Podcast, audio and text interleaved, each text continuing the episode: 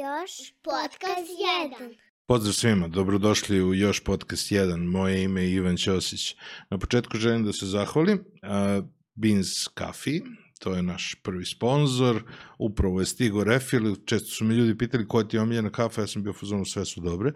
A, sad znam koja mi je omiljena, zato što znam koju sam prvo otvorio ovaj, kada, kada je stigo refill, tako da ukoliko želite kućni espresso u domaćoj radinosti, a, imate linkove u opisu u opisu podcasta Beans Kafa, naš prvi sponsor. Danas pričam sa svojom dobrom prijateljicom, Aleksandrom Petrovski. Dobrodošla, Aleksandra.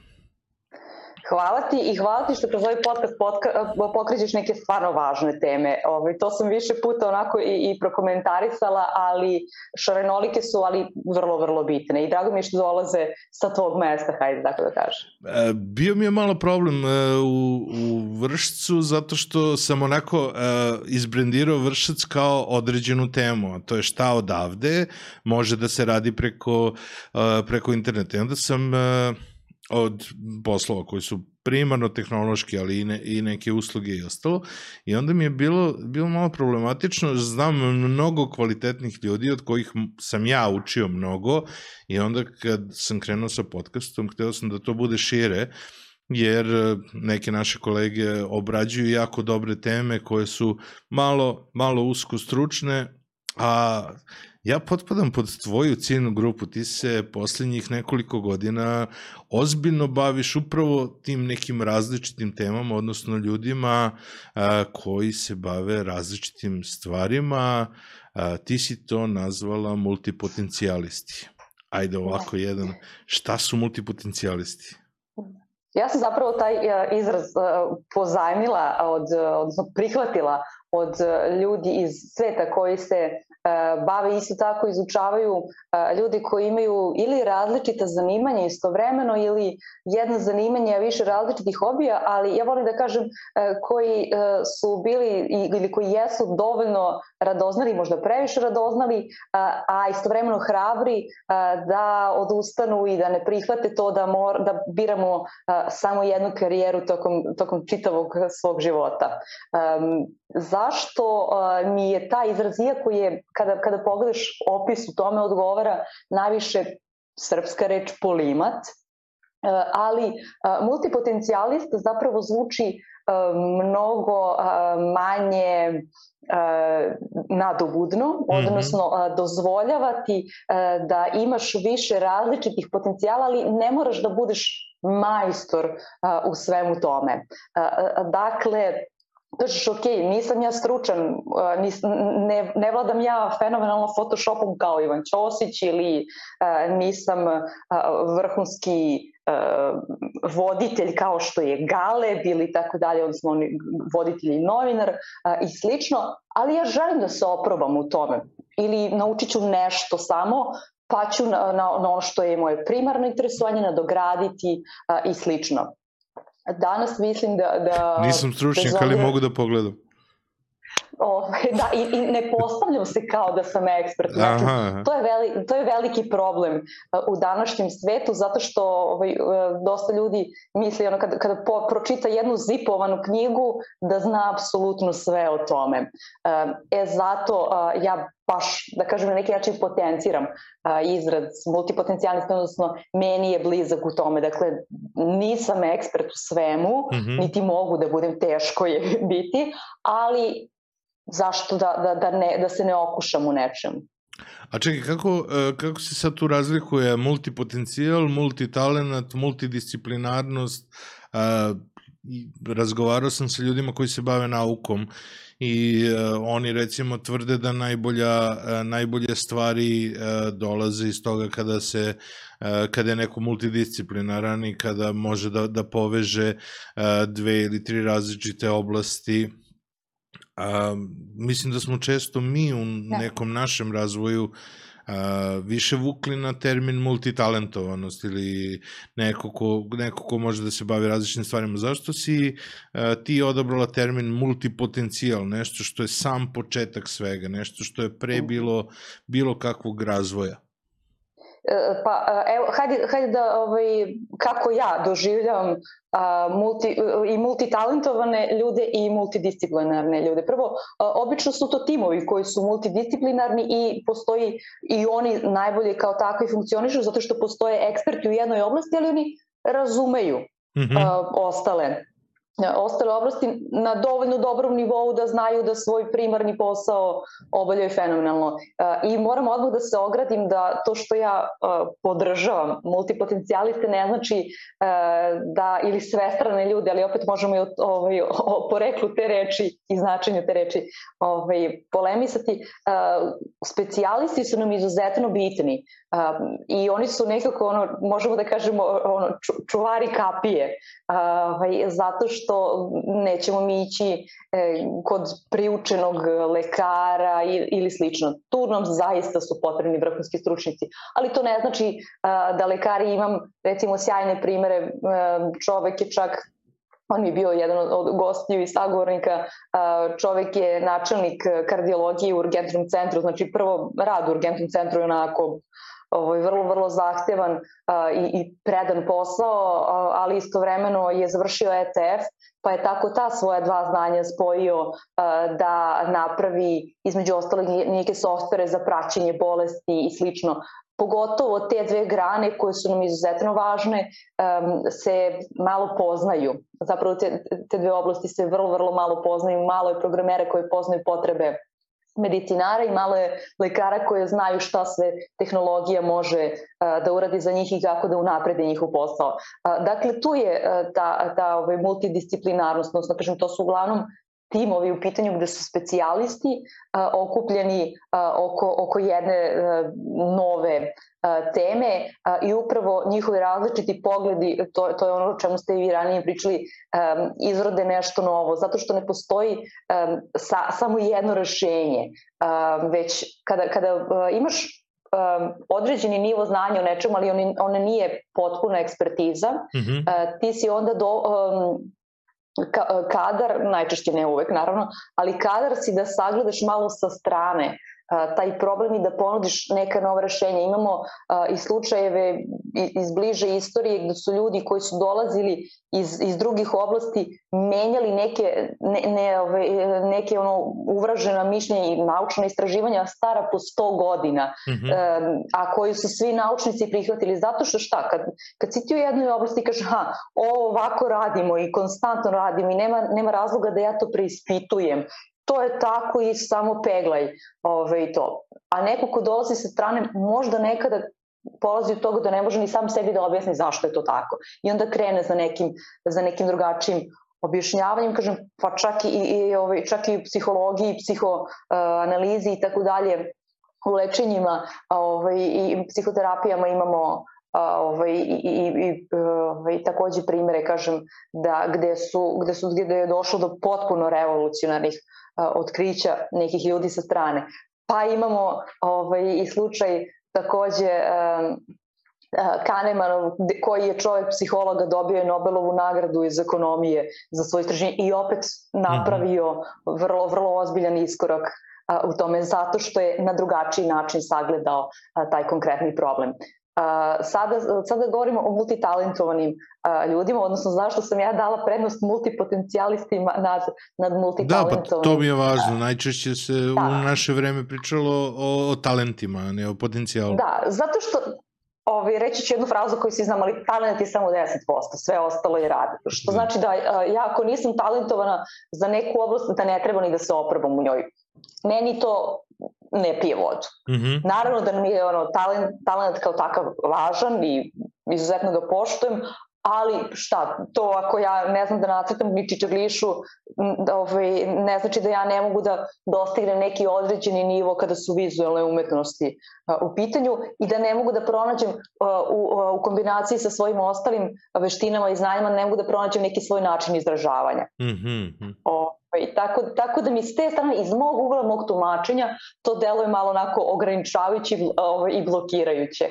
Drugo, ne znači da, da ćemo svi iskoristiti sve svoje talente. Postoje ljudi koji su fenomenalni u milion stvari, ali zapravo ovaj, ostanu na, na tome a, i ne razvijaju dovoljno, žive na toj slavi i ne razvijaju dovoljno svoje ostale ovaj, veštine i znanje koje im pomogli da se nadograde.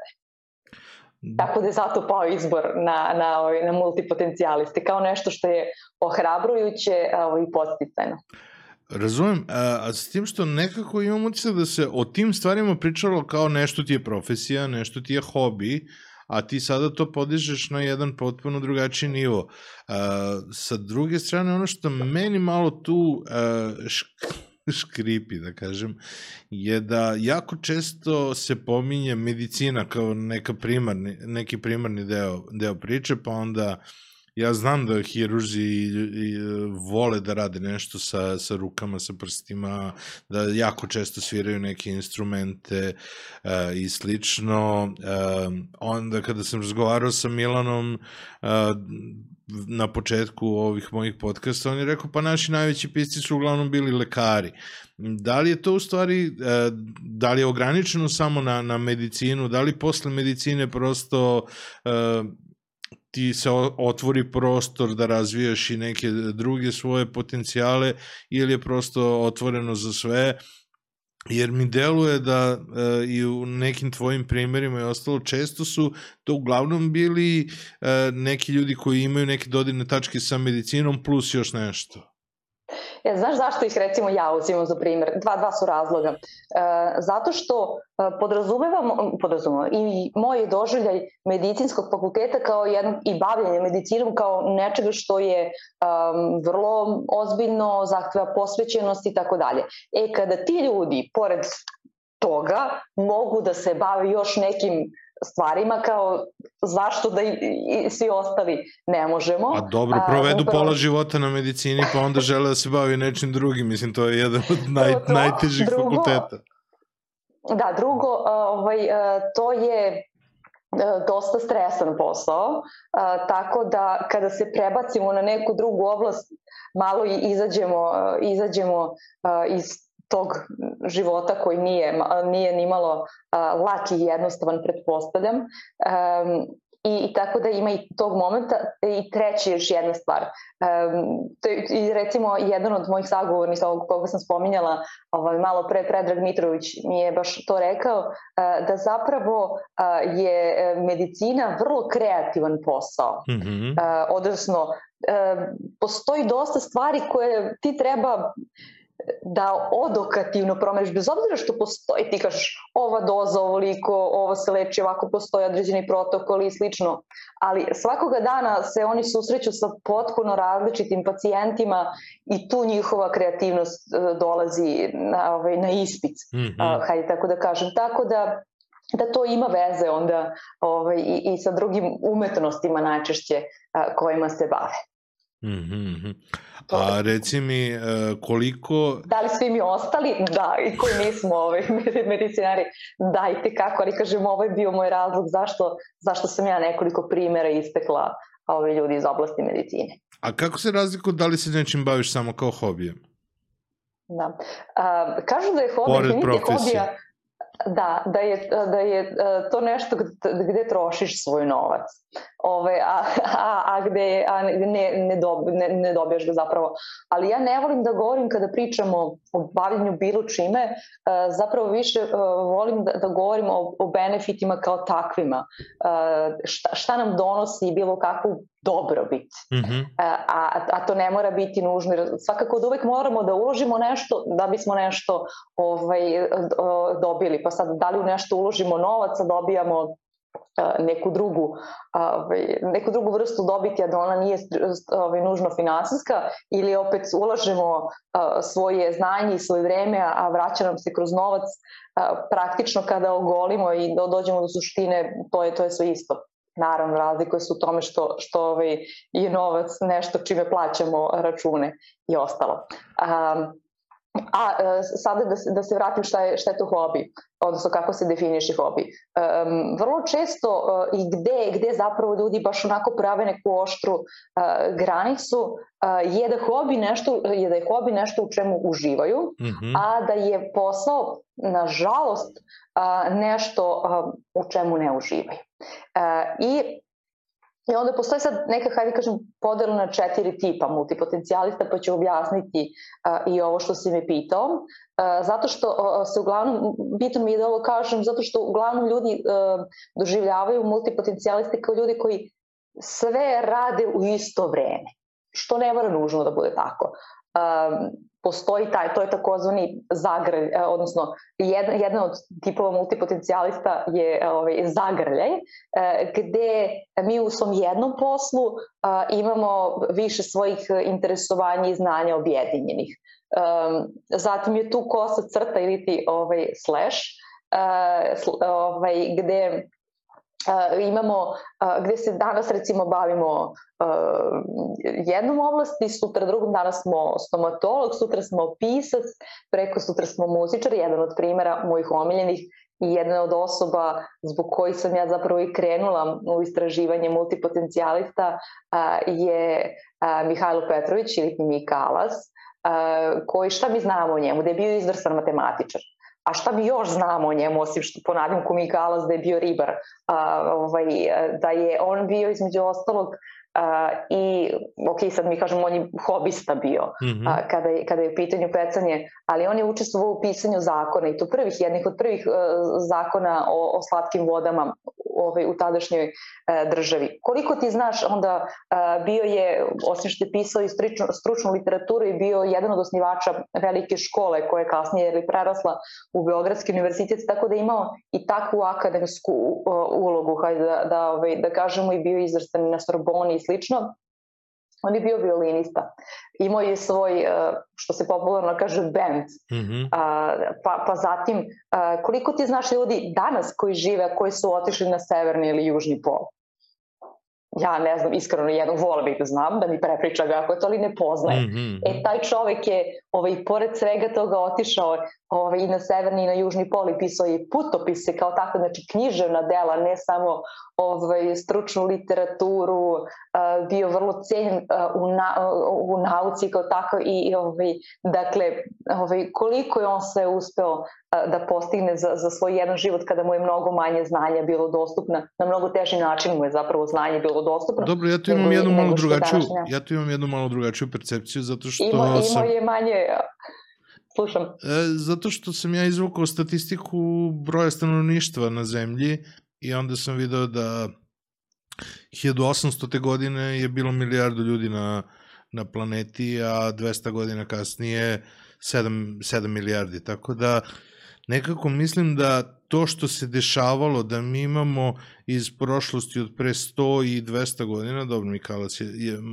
mnogo, ovo je mnogo manje, ali e, to da su u prošlosti se gomila stvari vezala za jednu osobu je prosto logična stvar zato što je bilo mnogo manje stanovnika i intelektualci kao takvi su se isticali i mnogo su lakše prihvatali da jedna osoba radi više stvari nego što je to danas. Danas ćeš lakše naći pet različitih ljudi gde je jedan otišao na severni pol, jedan svira violinu, jedan je ovaj jedan je matematičar. Tako da a, mislim da da to što mi imamo utisak da su nekada bili mnogo veći ljudi, prosto su bili pozvaniji i, po, e, i um, imali mnogo bolji networking, odnosno e, bili osoba za kontakt ako treba nešto da se uradi i e, sami su imali, e, njima je bilo dostupno e, mnogo više različitih stvari u životu e, zato što su sami bili prodorniji. Tako da, e, što se te prošlosti tiče, ali svakako je uh, Mika ogroman, ogroman čovjek. Da. Pazi, ali e, isto kao i u prošlosti i ti dan danas imaš uh, jednako vremena na raspolaganju. Mnogo ti je manje vremena potrebno da odštampaš knjigu, da naučiš da sviraš neki instrument, da odeš na neko putovanje nego što je njima. Ja ovo gledam iz ugla pojedinca kao takvog. Koliko ti zapravo možeš za svog života da, da nešto postigneš. Složit ću se da, da je u ovom delu sa tobom da jeste manje, uh, manje bilo obrazovanijih ljudi kao takvih, te su onda više u više oblasti mogli da kažem da dođu uh, do izražaja, ali uh, bez obzira što, što ima danas toliko više ljudi, stanovnika na planeti Zemlji, ti realno je da ne možeš da imaš toliki ozbiljan ozbiljnu mrežu i prijateljstava i poznanstava nego što su oni nekada imali. Možeš li na, na nekom ono insta nivou. Mm -hmm. A, tako da, da kažem, ja, ja ovo gledam iz ugla pojedinca, ovo što si rekao iz ugla kolektiva da, ali iz ugla pojedinca uh, oni su, njima je zapravo to, kažem, imali su mnogo, mnogo manje resursa, ali ono što je njima bila prednost u odnosu na, na današnje vreme nisu imali a, toliko izazova i toliko ovaj, sa svih strana ometača i ovaj, nečega što, što bi im privlačilo pažnju, tako da su mogli da, da budu malo više fokusirani, fokusirani na to. Treći tip je, e, ovaj, dakle, rekla sam kao Mika Alesi, možemo da kažemo na neki način bio ta kosa crta. Treći tip je Einstein, Mm -hmm. malo je poznato da je na početku svoje karijere on radio zapravo u, Švac, u Švacarskom institutu za patente i istovremeno je krenuo da radi na, na, na teoriji relativiteta. I ovaj primer navodim zato što ljudi koji su multipotencijalisti najmanje vole da budu u toj fazi, a to je da imaš dovoljno dobar posao a, i da nešto što je tvoja strast radiš sa strane.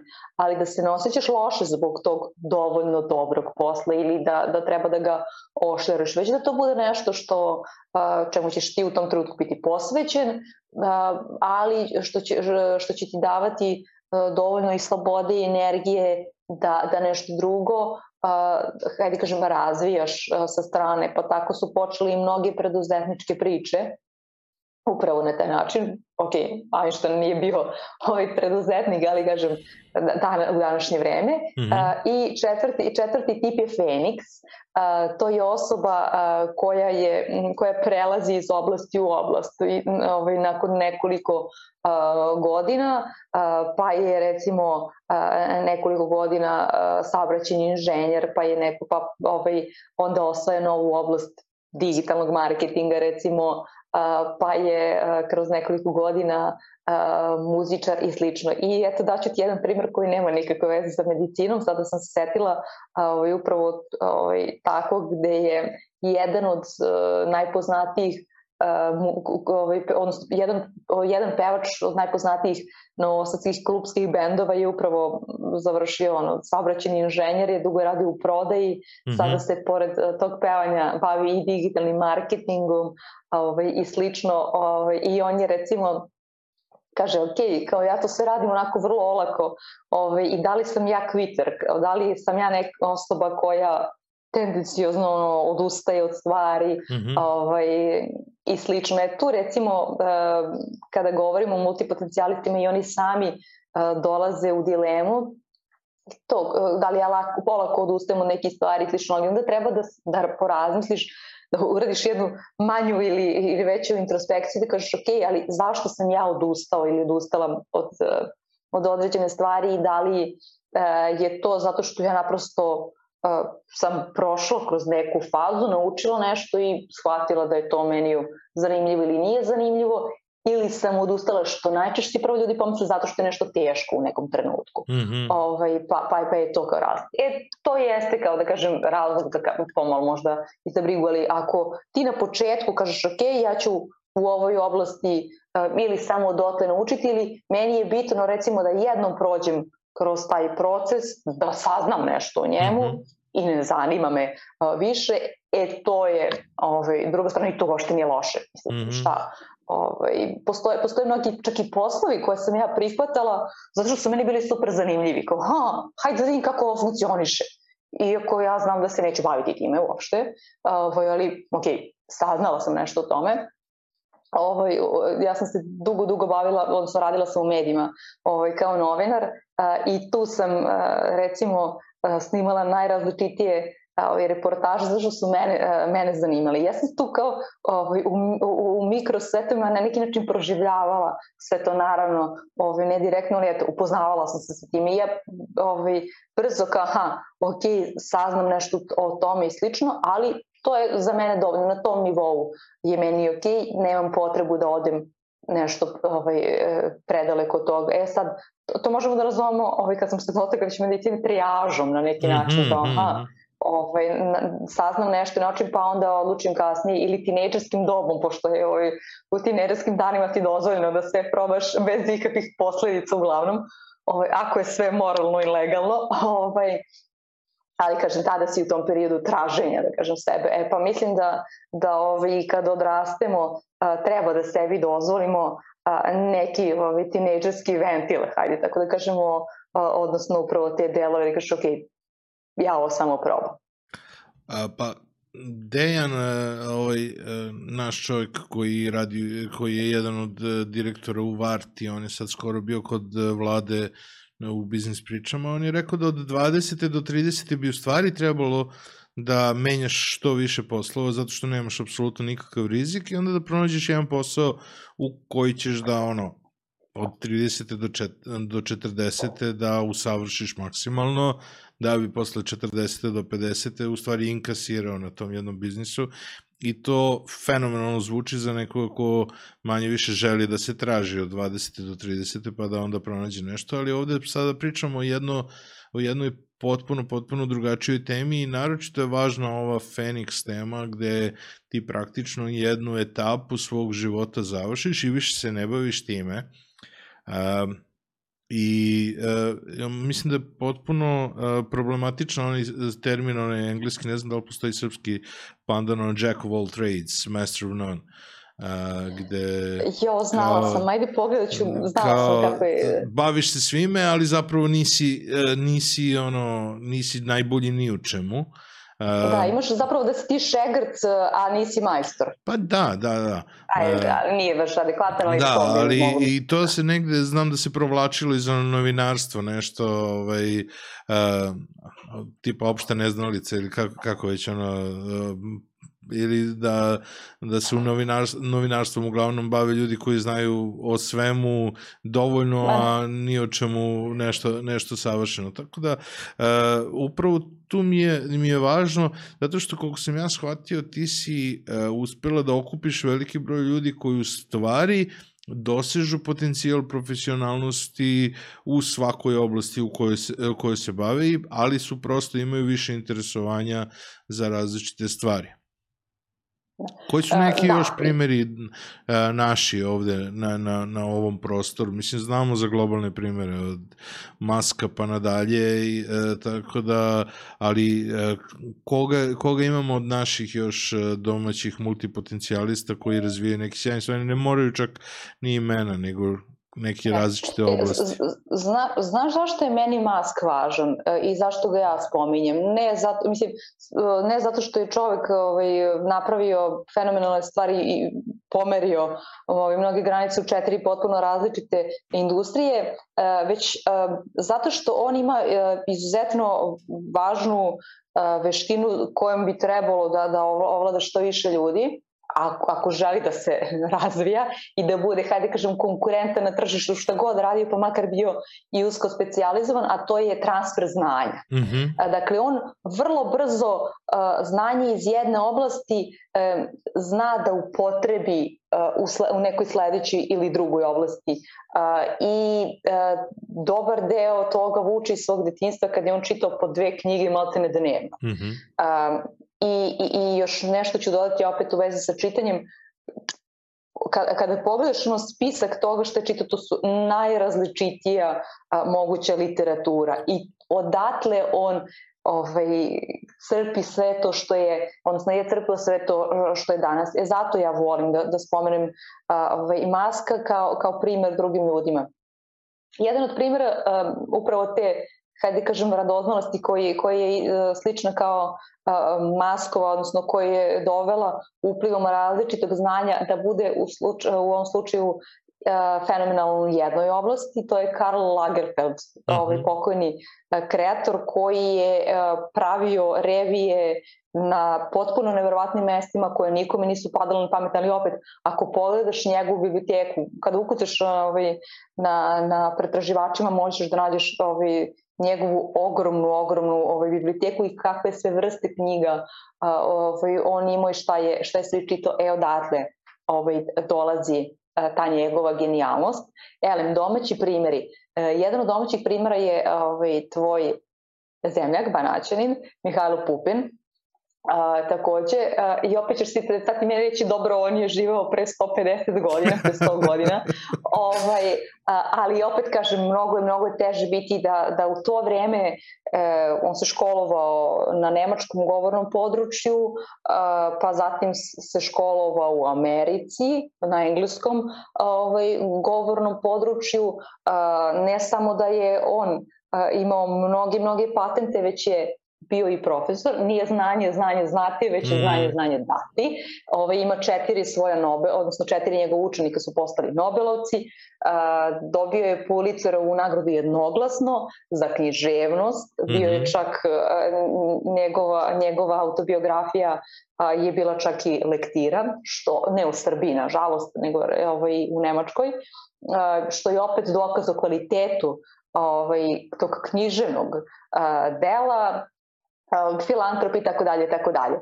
On je isto moja ogromna, ogromna ovi, inspiracija, ali hajde da, da govorimo recimo moja jedna od dobrih prijateljica je po obrazovanju ovaj, operska pevačica, međutim dugo je radila dugo je radila u turistička kao predstavnica turističke organizacije Nemačke, odnosno PR turističke organizacije Nemačke za ovu regiju, a koje uključuje opet i oblasti e, Rumunije i, i, i Bugarske. I recimo nju su baš ona kada je konkurisala za taj posao ima kažemo i formalno obrazovanje dodatno menadžment u kulturi i medijima, ali kada je konkurisala za taj posao ovaj, PR-a nemačke turističke organizacije, ona je upravo ga dobila zato što nije neko iz oblasti, iako nije znala nemački. Ovaj, ali zato što, kažem, nema direktno znanje. I to su navodim, ima takvih još, mada nisu nažalost brojne, ali a, institucija koje upravo cene to što a, i žele da, da u njihove redove dođu ljudi koji donose nekakvu drugačiju i znanje i energiju a, i iskustvo. A, jer samo na taj način će se onda probuditi iz neke, hajde kažem, učmalosti. To ne mora da bude nužno, ne, to ne znači da su oni u nekom lošem stadijumu poslovanja ili slično, ali naprosto ako ne napreduješ konstantno, ako sam sebe ne izazivaš, ovaj, to je mnogo bolja pozicija nego da, da budeš izazivan ovaj, ovaj, sa nekih drugih a, strana. A, onda a, jedan isto od, od sjajnih primjera i koji je, hajde da kažem, poznati ovako, a, je, je Viktor Lazić, on je poznat domaćoj javnosti kao jedan od trenutno živućih naših najvećih svetskih putnika i koji ima svoje, odnosno ovaj predsednik je udruženja bavi se promocijom kulture i književnosti na prvom mestu i u Beogradu ima privatan muzej i ogromnu, ogromnu zbirku i na prvom mestu knjiga, ali on istovremeno i pravnik. I meni je vrlo mm -hmm. interesantno i čak se bavi, e, njegova mama ovaj, vodi advokatsku kancelariju, on se, on se isto bavi time, e, čak je doktorirao kinesko pravo recimo i slično, I kada, kada sam razgovarala s njim, znam se dugo, dugo znamo, ali kada sam razgovarala s njim, on mi je rekao kao, e pa znaš šta, ja da sam pisac, ovaj, ja bih verovatno bio neko ovaj, ko bi sad ovde ispred ove zgrade malte ne živao na prostičkom štapu, mm -hmm. a, ali su me roditelji a, ubedili da ja ipak treba da završim a, to pravo a, i dobro su radili. A, ima, to je bilo ono klasično nagrada i kazna, e, ako daš ovo sve u roku, damo ti lovu, ideš tri meseca puteš gde god hoćeš. I, I utoliko je to bitno ovaj, da, da utice roditelja na, na neki naše bez obzira što ima polemika kao ovaj, da li se mešati deci u, u odluke u tom periodu kada su jeli već punoletni i slično. Meni je recimo super primer um, da čak i ovde uh, u Beogradu uh, na uh, Akademiji lepih umetnosti postoje profesori koji su završili matematiku mm -hmm. i koji sada upravo iz takvog, zna, iz, iz takvog znanja mogu jer digitalnu umetnost da, da predaju. Mm -hmm. U prvom trenutku tada jedna devojka koju, koju poznajem je kada je otišla na prijemni isprava je odbijena. Mhm. Nije, nije, ovaj, ne na samom primnom, ali kažem kada je, od, kada je odlazio kasnije ono što se sada zove master, nije, nije dobro prihvaćena i oni su rekli kao da li ćeš ti razumeti tu dimenziju i slično. Međutim, kažem, ona, ona sada uspešno ovaj predaje malo, ovaj, imamo pomak u svemu tome i uspešno predaje na na akademiji da, pomenuli si, predmete. Pomenuli si novac i sad meni je tu, tu dosta, dosta važno. Uh, mnogi ljudi kažu lako je masku, eto on sad je ovaj, deo PayPal mafije i šta god on pokrene može da se napravi, ali isto tako novac ima i Bezos. Uh, ja gledam ovu trojicu koju, koju se sad, ovaj, koju sad jure u svemir, znači Musk, Bezos i Branson.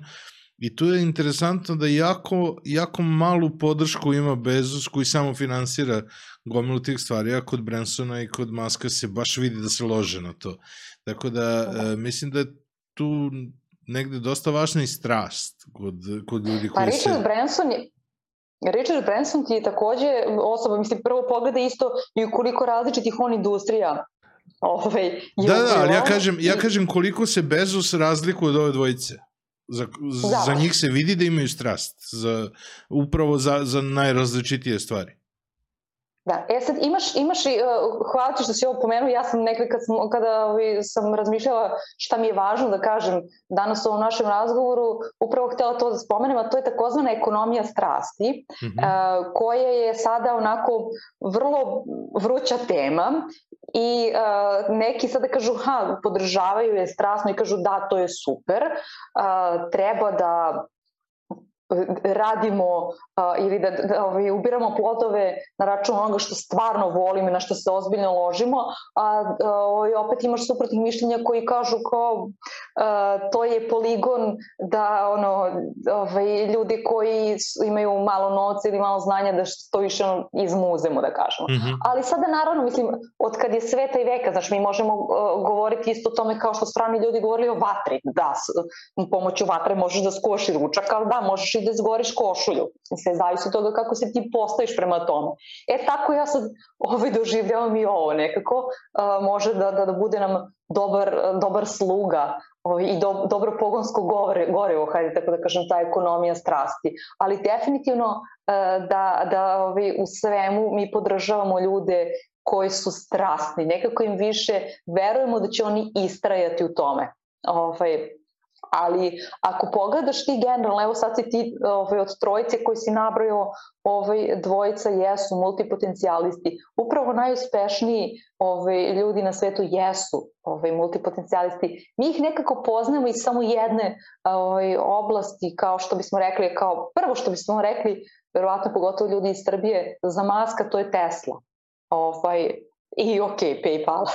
O, ako, ako pitaš recimo prosečnog, ovaj, prosečnog Srbina, što bi se reklo. Um, isto tako, evo ti još jedan super primer, uh, je, mi ga poznajemo kao vrsnog violinistu, ali Stefan Milenković. Uh, on je se bavio mnogim borilačkim veštinama, mnogim ekstremnim sportovima kojima ne bi se neo da se bavio prilike zbog toga što je violinista, ali i govorio je o tome nedavno javno, ali upravo to što se svime time bavio ga nije odvuklo od njegovog bavljenja violinom, već mu je produžilo karijeru. Zato što mu je um, nije, nije brzo sagoreo, znači nije bio da, da. onako usko samo u tome, već imao neke različite ventile.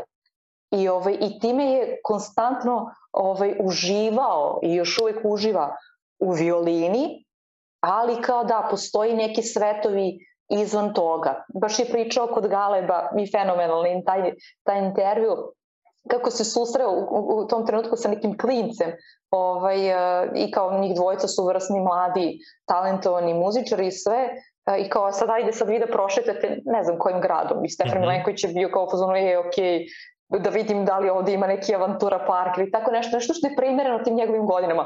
A ovaj mali je onako bio, ono, ovaj, ne smem da, da uprljam ništa i kao tako, znaš.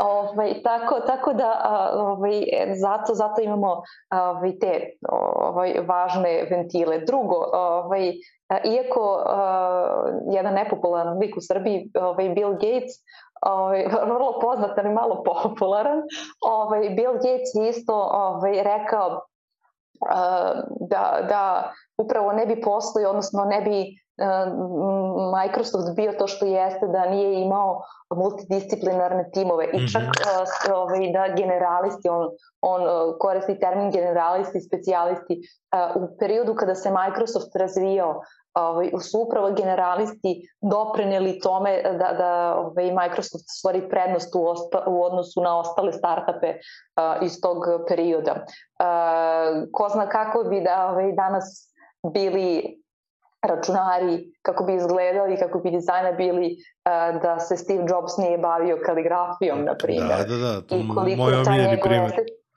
Da, i koliko je, ovaj, i sad imaš recimo um, uvek kroz, kroz vekove traje ta, ta diskusija da li nas to zapravo ometa uh, ili, ili doprinosi onome što je naš krajnji proizvod. Ako napraviš neki, uh, na neki način mali izlet, Mm -hmm. u svemu tome. Uh, ali ako mene pitaš za tumačenje mm -hmm. toga, uh, mislim da je merilo da li ti uživaš u tome ili ne. I sve potiče um, od toga e, da, da prvo jako, jako dobro poznaješ sebe i da promeriš e, za bilo koju odluku kao aha, da li ću ja na bilo koji način biti bolji posle, ovaj, posle toga što radim. Da li će mi pa čak i trenutno nekako, ok, čak i da je pitanje trenutno zadovoljstvo, ali da li će to ono, u krajnjem zbiru stvarno biti nešto što je valjano. To ne mora da znači da ću ja ako, ako sad sednem ovaj, eto da se bavim na neko, neko vreme kaligrafijom, uživam u tom trenutku. Tako da, da je, ovaj, mislim da, da nekako zaboravljamo to, da nam je stvarno ovaj, ovaj, vrlo važno, jer ovaj, e, danas smo, danas smo ovde, sutra smo ko zna gde. Da. Otišla sam malo filozofiju, ali uhvatila se... Dobro, to je, to je zadnji, to je zadnji, ovaj, to je zadnji stih pesme po kojoj sam nazvao podcast. Znači, zadnji stih je danas jesmo, sutra ko zna gde smo. Da, dakle, da. da to je zadnji stih, još, po, još liter jedan. Uh, da, ja sad razmišljam, kada bi bile dve žene koje prave torte za, za novac, bolje bi prošla ne ona koja pravi 10% bolju tortu, nego ona koja zna, zna bolje da crta i da, da dekoriše tortu. Kad, kad, da, kad da. gledaš ono, samo, samo najjednostavnije. U stvari, uh, ono mas, uh, master, of, uh, master of none bi u ovom scenariju mogao da bude master of, of one. Znači, treba da budeš master u jednoj oblasti, ali da, da imaš neke različite interesovanja iz drugih neke oblasti, da onda to implementiraš u tu neku oblast koju imaš u, i da, da to u stvari može da dovede super stvar, ne računajući ovu, ovaj, ovaj tvoj poslednji ovaj, Fenix scenariju. I reci e, ali recimo i čak i u tom slučaju, izvini što ću te mm -hmm. prekinuti, Fenix scenario je delom tvoja ovaj, prethodna gošća Sonja Dakić. Dobro. A, ona, se, a, ona je neko ko je završio grafičku školu, pa je htjela da upiše ovaj, htjela da upiše psihologiju, pa nije uspela, pa je otišla a, na neko drugo da, da. neformalno, to se nazove neformalno obrazovanje, pa je bila preduzetnica i tako dalje. I ona je recimo isto na, na Curiosity chatu bila jedna od mojih gošća ja sam je upravo o tome smo razgovarale i pitala sam je, aha, hajde, pošto mi je, i, i taj moment je vrlo važan, pogotovo za ljude multipotencijaliste, da shvatiš kako ipak sve što si radi u životu ovaj, ima i tekako uticaje i veze sa tim što radiš danas. I sva ta znanja su daleko od beskorisnih. Milica Čalija takođe, ovaj, neke, neke stare generacije znaju kao voditeljki, voditeljku garaže, ovaj, neke znaju kao dobitnicu Petki, Pekićeve nagrade, neki kao studentkinju italija, ovaj, italijanskog i kasnije prevodioca i tako, ali sva ta znanja koje dale, daleko od toga da, da ovaj, su neupotrebljiva danas ili da ne koristite, kako ih koriste. I samo treba da znaš šta ti od koga koristi, šta ti na koji način ovaj, koristi, isto kao i to crtanje koje se spomenuje i slično. Ovaj, tako da ja bih definitivno uzela, uzela to, ali komunikacija takođe, ako je neko bio sekretarica pa danas pravi torte, ovaj, mnogo, mnogo udela, pogotovo što mi vrlo često sada kupujemo online, ko ti kako se obrati ti vrlo može da ima fenomenalnu tortu, ali ako nemaš ceo taj paket, teško da, ćeš, da će dobiti priliku u stvari da probaš tu tortu te osobe. Tako da postoji, ono, sve nam je to vrlo bitno. Kapiram, kapiram. Jedna moja prijateljica je radila u tehničkoj podršci i onda kada mi je objasnila kako ona komunicira sa ljudima, ja sam bio u fazonu, ti trošiš vreme u toj, u toj podršci, ti treba da se baviš mnogo većim stvarima. Uh, šta sam želeo da ti pitam sada? Uh, uh, passion, i ti si pomenula loženje. Ja sam u stvari passion i za svoja predavanja najlakše prevodio kao loženje. Na, šta je ono na što se stvarno ložiš i tu sam vidio da često postavljaš to pitanje koje tebi je mnogo važno, šta si ti kada se skinu titule, a ja sam ga postavljao ljudima šta je ono na što se ložiš, šta je ono što te pokreće, šta je ono što te vozi. Uh, kako ti odgovaraš na to pitanje? Da. Uh, ja kažem da sam ja na prvom mestu radoznali um i celoživotni učenik. I uh, dodajem isto da sam, uh, to sam polu pozajmila od, od, od svoje ovaj, prijateljice da sam degustator avantura. Uh, I uh, ponekad, ponekad, kažem, titula koju ti voliš uh, je da sam profesionalni postavljač pitanja. Uh, I sve to nekako opisuje mene mnogo bolje nego kad kažem neku svoju formalnu titulu. A, a u ostalom, mi nismo samo ta mm -hmm. a, titula dr, mr, prof, šta god, automehaničar, advokat ili tako dalje. Svi unosimo različite svoje, na različite svoje i druga interesovanja u sve to čak i da smo a, specijalisti u određenim oblastima. A, rekla sam ti otprilike, e sad, da, dovezat ću se na ovo mala digresija, ali a, nekako se zgodno ukazalo. A, kada kažeš loženje, vidiš, tu ti odmah implicira na sagorevanje. I to je nekako aha, kao pazi da ne dođe do toga, ovaj, da, da znaš da postoji kao ta neka tanka granica, tako da vidiš ima i to veze. Da, ovaj, ali meni je malo pre bio primer toga da ipak ostaje neki pepeo iz koga se rađa novi Feniks. Dakle, taj pepeo je neka tvoja prošlost koja je opet ugrađena u to nešto novo. Da, da. Samo ako znaš pravilno da iskoristiš ovaj, sve to. Uh, koliko je teško ljudima da se odreknu titulu?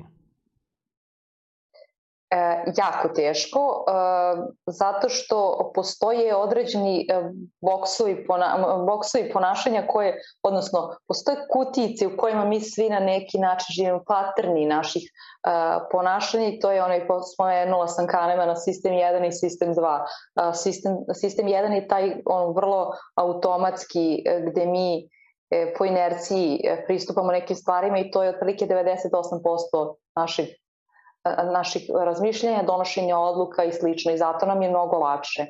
Um, I kažemo, aha, ovo je u ovom boksu i mi kad, kad, kada imenujemo neko je advokat recimo, odmah stvorimo određenu sliku o njemu. Uh, neko je automehaničar, odmah stvorimo uh, određenu sliku o njemu.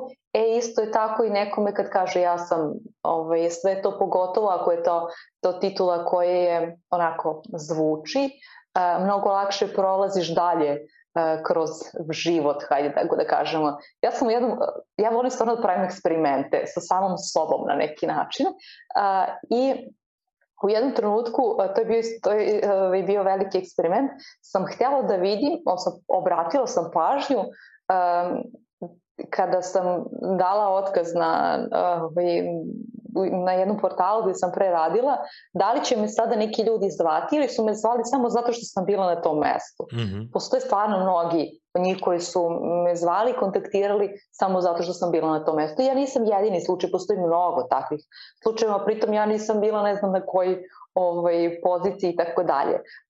I onda tu isto, to je zgodno, kao možda se u prvom momentu onako malo ne osjećaš se prijatno i ostalo, ali zapravo vidiš da je to fenomenalno test međuljudskih odnosa, svega, svega, svega.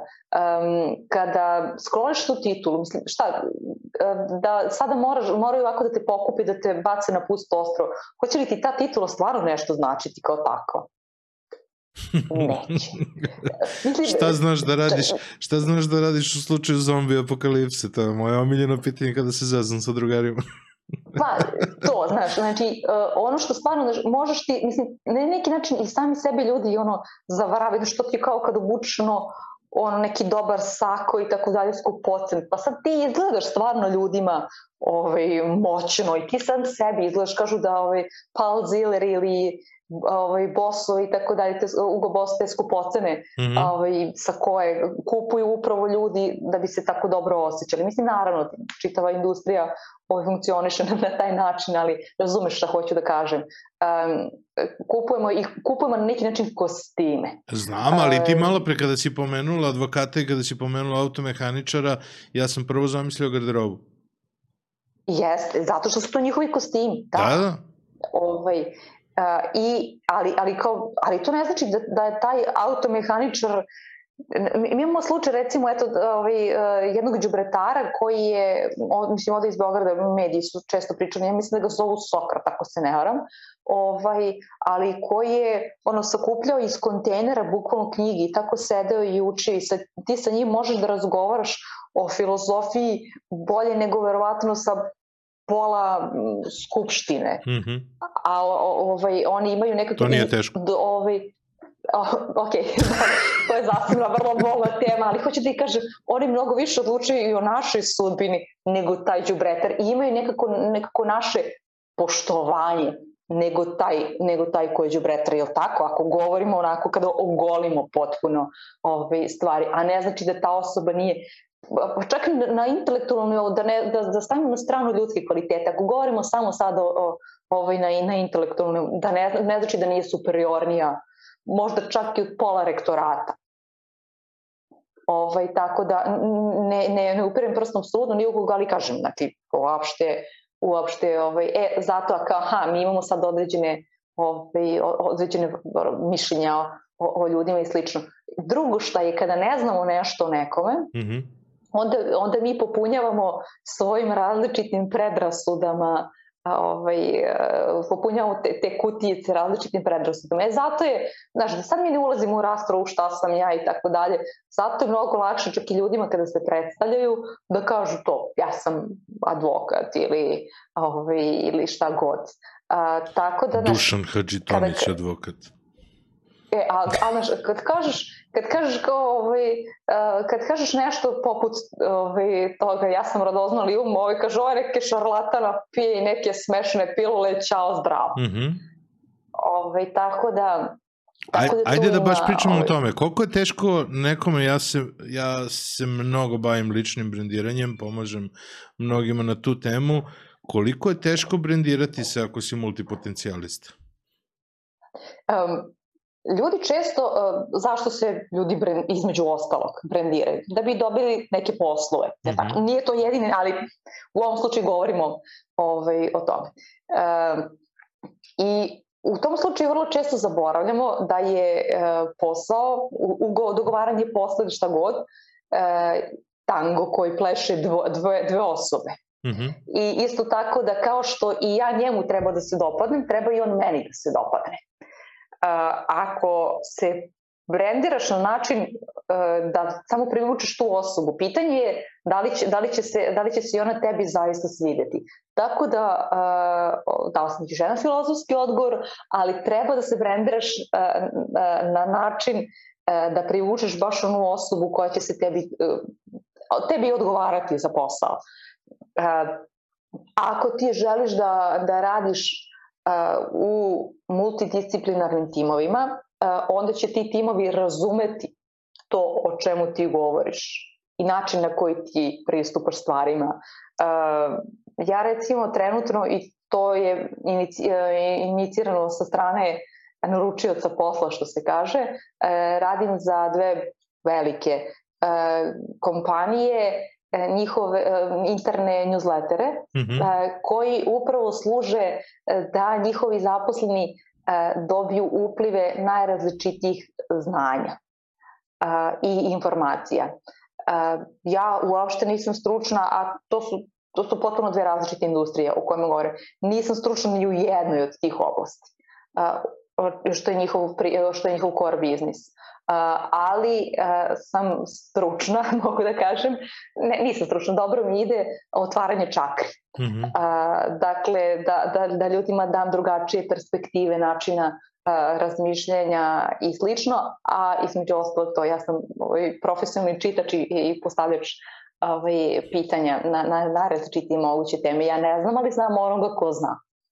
Ovaj, da se vrat, da se vratimo na, na, na ovo brendiranje. E, dakle, e, postoji, postoji e, i kada ti odabereš, da, ti ćeš recimo, postoji 20 palačinkarnica, na primjer, u gradu, ja to, ovaj, da to volim da dajem e, za primere, e, ali ćeš ti, osim toga što se neko bavi proizvodnjom palačinki, e, odabrati iz nekog dodatnog razloga zašto ćeš ovaj, se odlučiti za, za baš neku. Tako da ne, ne uzimaju oni Ivana Ćosića dizajnera, već uzimaju čitav set koji, koji ti nosiš i znaju da ćeš, da ćeš dati doprinos i, i u drugim razlima. Ovo, kada govorim na ovaj način, mislim na one ljudi koji žele dugoročno da, da posluju i istovremeno da na neki način doprinesu, hajde kažemo, razvoju tog čitavog, čitavog biznisa.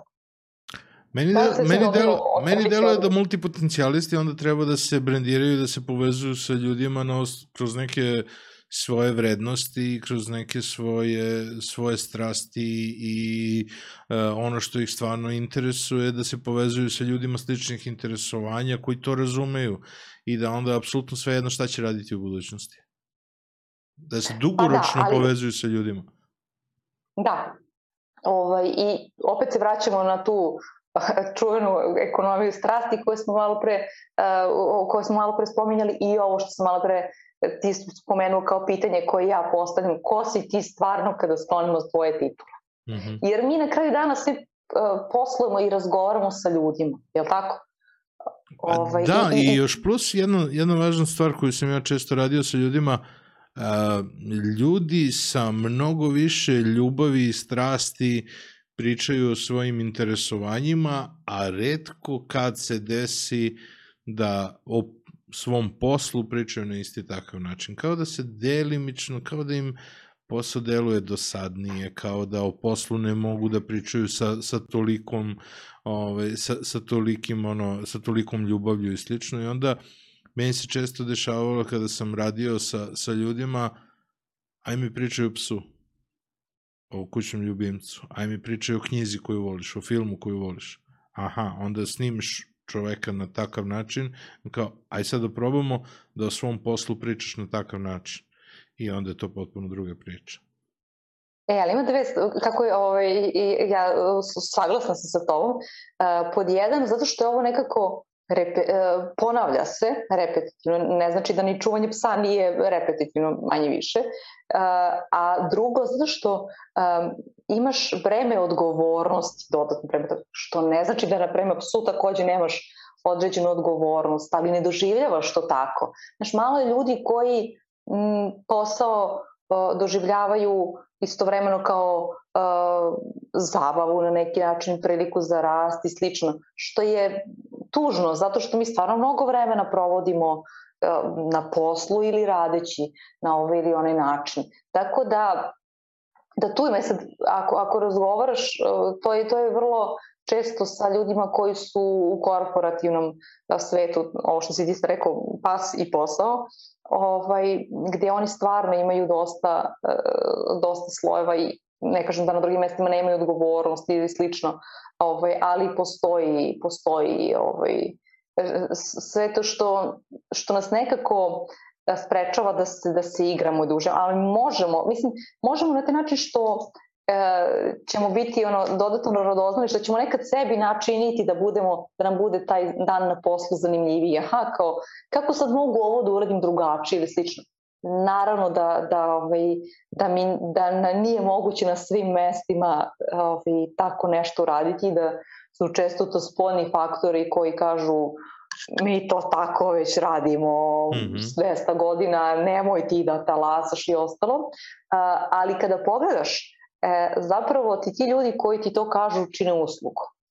I znam mnogo fenomenalnih projekata, ličnih projekata koji su nastali upravo na taj način, zato što ti se zainteresuješ za nešto i slično i hoćeš da i na svom primarnom poslu implementiraš nešto i onda dobiješ te neke blok, blokade Ovaj, on ti kažeš ok, ali meni se osviđa, ja ću dalje da, da nastavim da razvijam svoj projekat lični.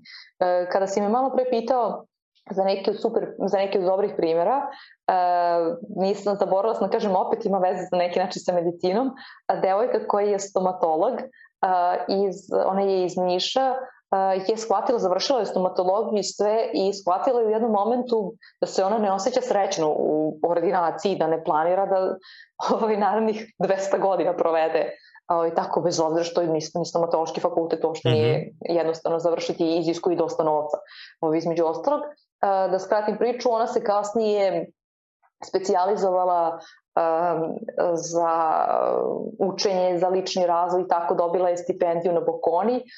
Sada živi nekoliko godina već u, u Švajcarskoj uh, i između ostalog radi u firmi koja proiz, šta sam zaboravila, mislim da se zove Kuradent, koja proizvodi Curaprox četkice. Mm -hmm. Ove, ovaj, dakle, radi u, ovaj, koji je najbolja ovaj, bukvalno svetu u toj oblasti.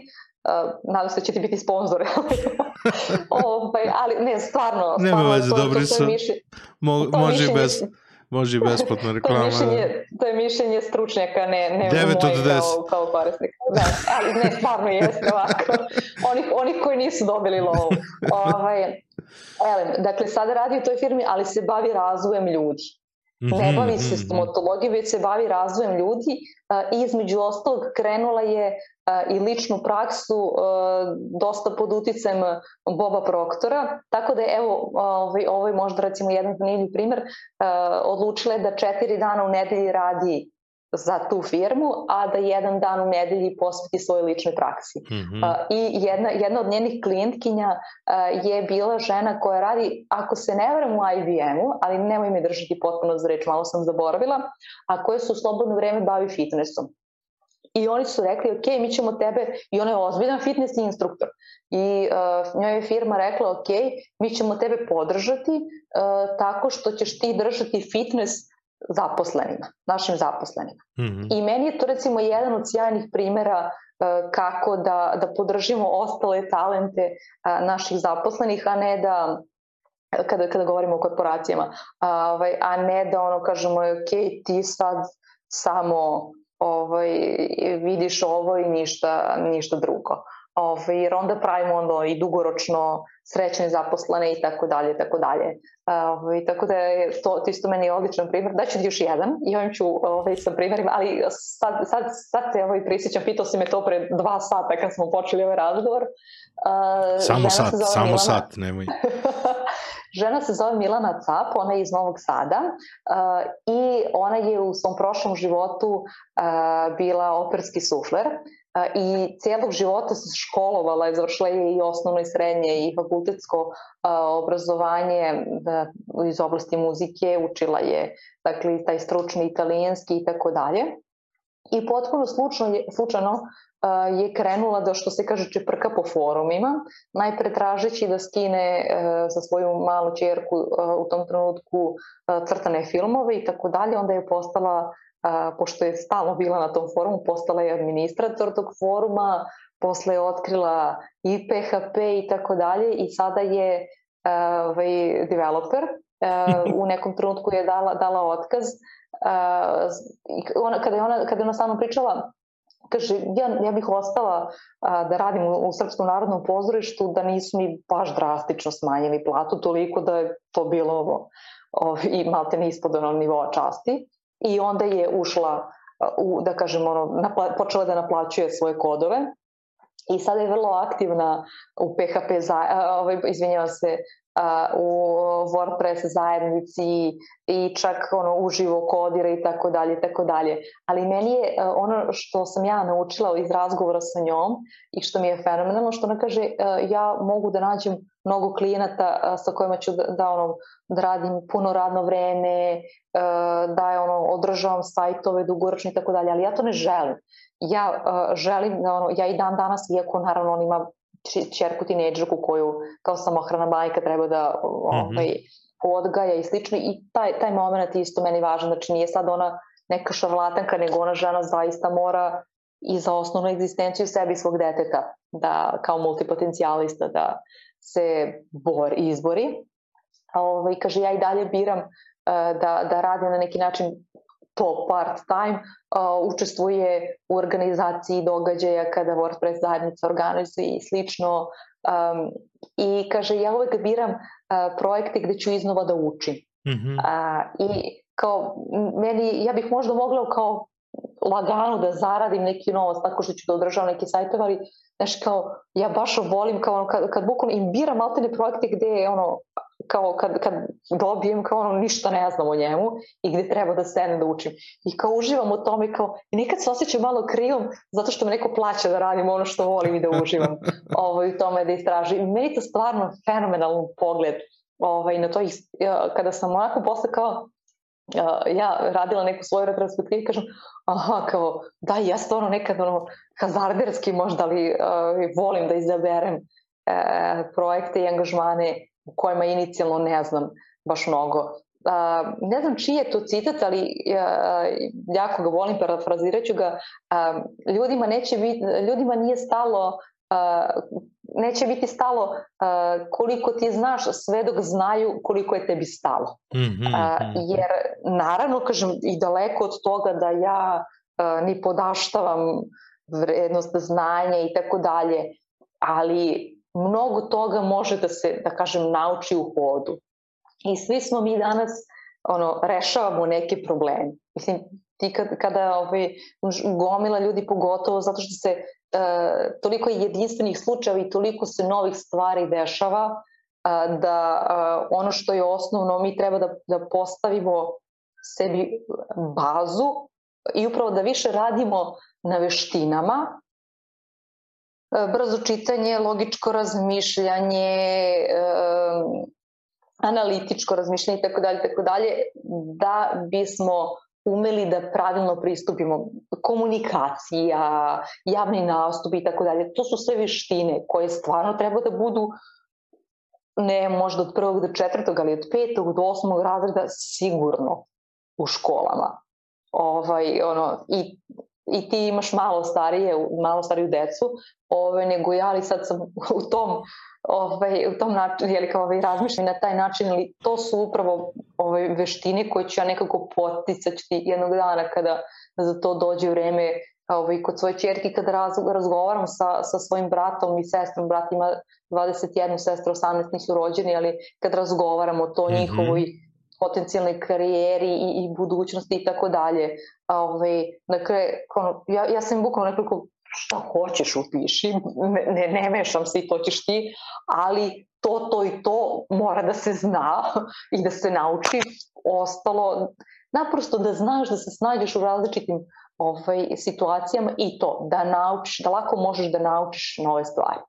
Da, meta veštine su, su zapravo super važne za, za kompletan život i navike kako da, da formiraš nove, kako da uh, ukineš stare koje ti, koje ti, uh, koje ti nisu važne za, za život. E sad, Uh, jako puno smo uh, pominjali radoznalost uh, ovde uh, i jako puno navodiš primjera. Uh, pozivam ovim, ovom prilikom sve gledalce koji su zainteresovani uh, Curiosity Chat se zove tvoj projekat. To su mini razgovori uh, E, zašto nisi nikada pokrenula svoj podcast? Zašto nisi nikada Curiosity Chat digla na nivo podcasta i zašto se nisi tome posvetila? Zato što su meni super zabavne stvari prosto kao što nema još? Ili kao, ili ima negde da. duža verzija ovoga? Ovo samo klip. Meni je da. svaki put kada gledam neki tvoj razgovor kao, ili ima još negde, još nešto? Da. Kao, de, de klik za read more? Ili koliko, koliko, god, koliko, da, koliko god da sam ja neko ko kaže aha, kao treba da budeš radoznali um i tako i ja suštinski to jesam. A, s druge strane, a, ovaj, ja sam neko ko je perfekcionista, tako da još uvijek nisam po svojoj meri našla a, ovaj, perfektan model, hajde tako da kažem, podcasta kao takvog, nije da o tome nisam razmišljala već proteklih nekoliko godina, e, ali ono što je e, karakteristika 2019. Curiosity Chat bilo uživo okupljanje i razgovori, e, je što je tu postojala fizički praktično u, tom prostoru kada se svi okupimo, postoji na neki način ono logorska vatra neka koja gori tu a, i oko koje svi sedimo i diskutujemo i razgovaramo. A, ljudi jesu mnogo opušteniji a, u tom slučaju a, i postoji određena interakcija i to je meni pogotovo a, to je bio nekako početak mog istraživanja multipotencijalista i stvarno mi je bilo ideja, spomenula sam da volim da pravim eksperimente od svog života, jeste na neki način mali eksperiment, da vidim ko će sve tu doći, kako će oni percipirati temu, kako će pitanja postavljati. Znaš, uh, tako počinje, uh, tako počinje jedna knjiga, uh, ali to nije Hemingway citat, nijedan čovjek nije ostrovo sam po sebi.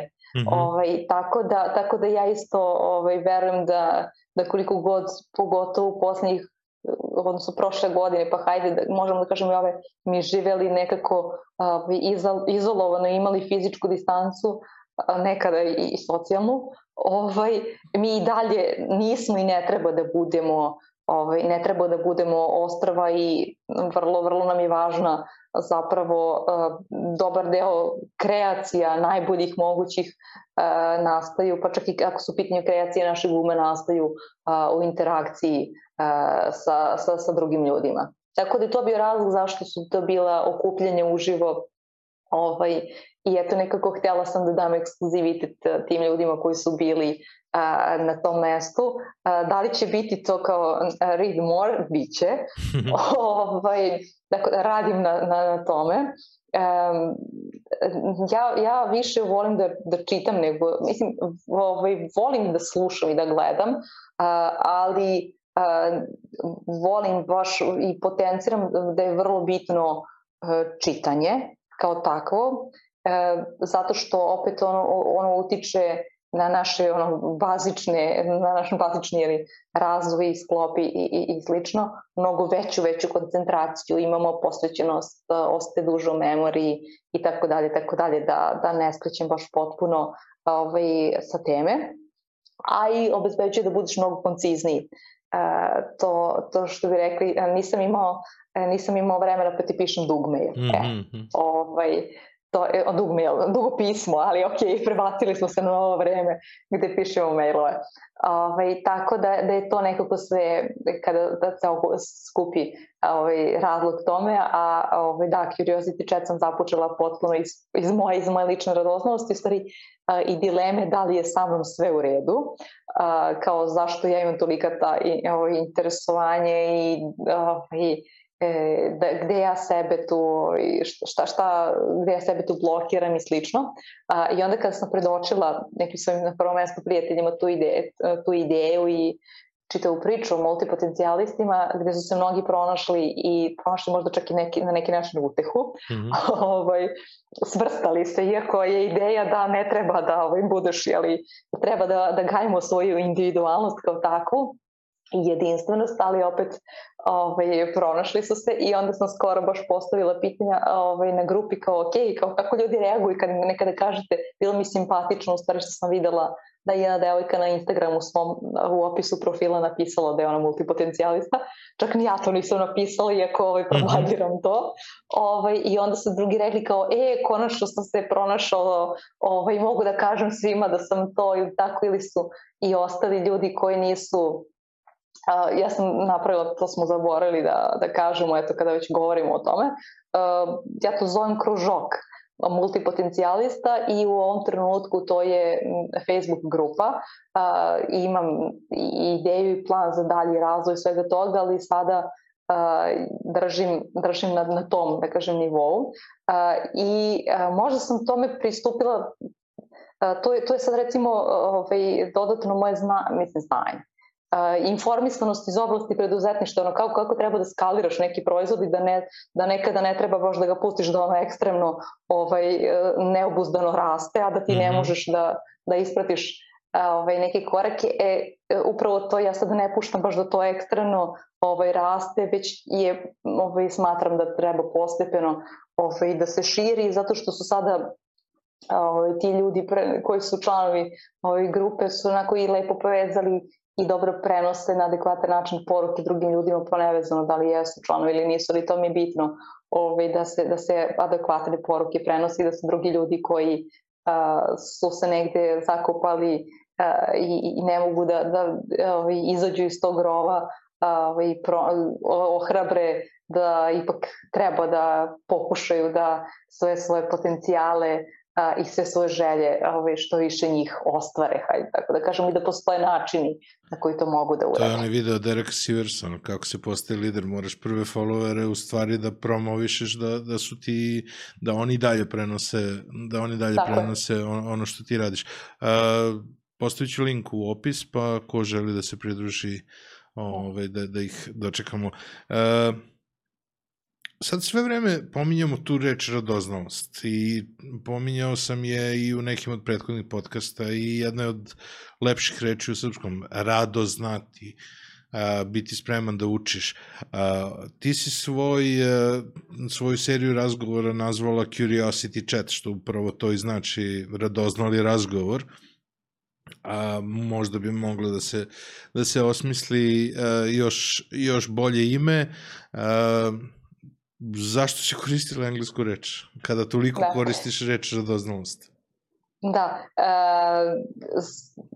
to, to je, mogu da kažem, priznam na neki način da je to moja greška, ja stvarno mnogo, mnogo toga čitam na engleskom i otprilike 90% stvari, osim ako nisu u pitanju, um, spomenula sam malo pre da čitam recimo sada Marka Aureli ili tako nešto, filozofiju, na primjer, ne mogu još, mm -hmm. lakše mi je da čitam zapravo ovaj, na srpskom, ali dosta, dosta stvari kada su u pitanju mediji, digitalni uh, ovaj, konzumiram na engleskom i onda mi to nekako zvučalo ovaj, malo bolje bez obzira što uh, i ja jesam neko ko da kažem, promoviše e, korišćenje što više srpskih izraza i reči, smatrajući e, da je jezik jedan na jedan ovaj, pokazatelj toga gde se, gde se nalazi jedna kultura i jedno društvo.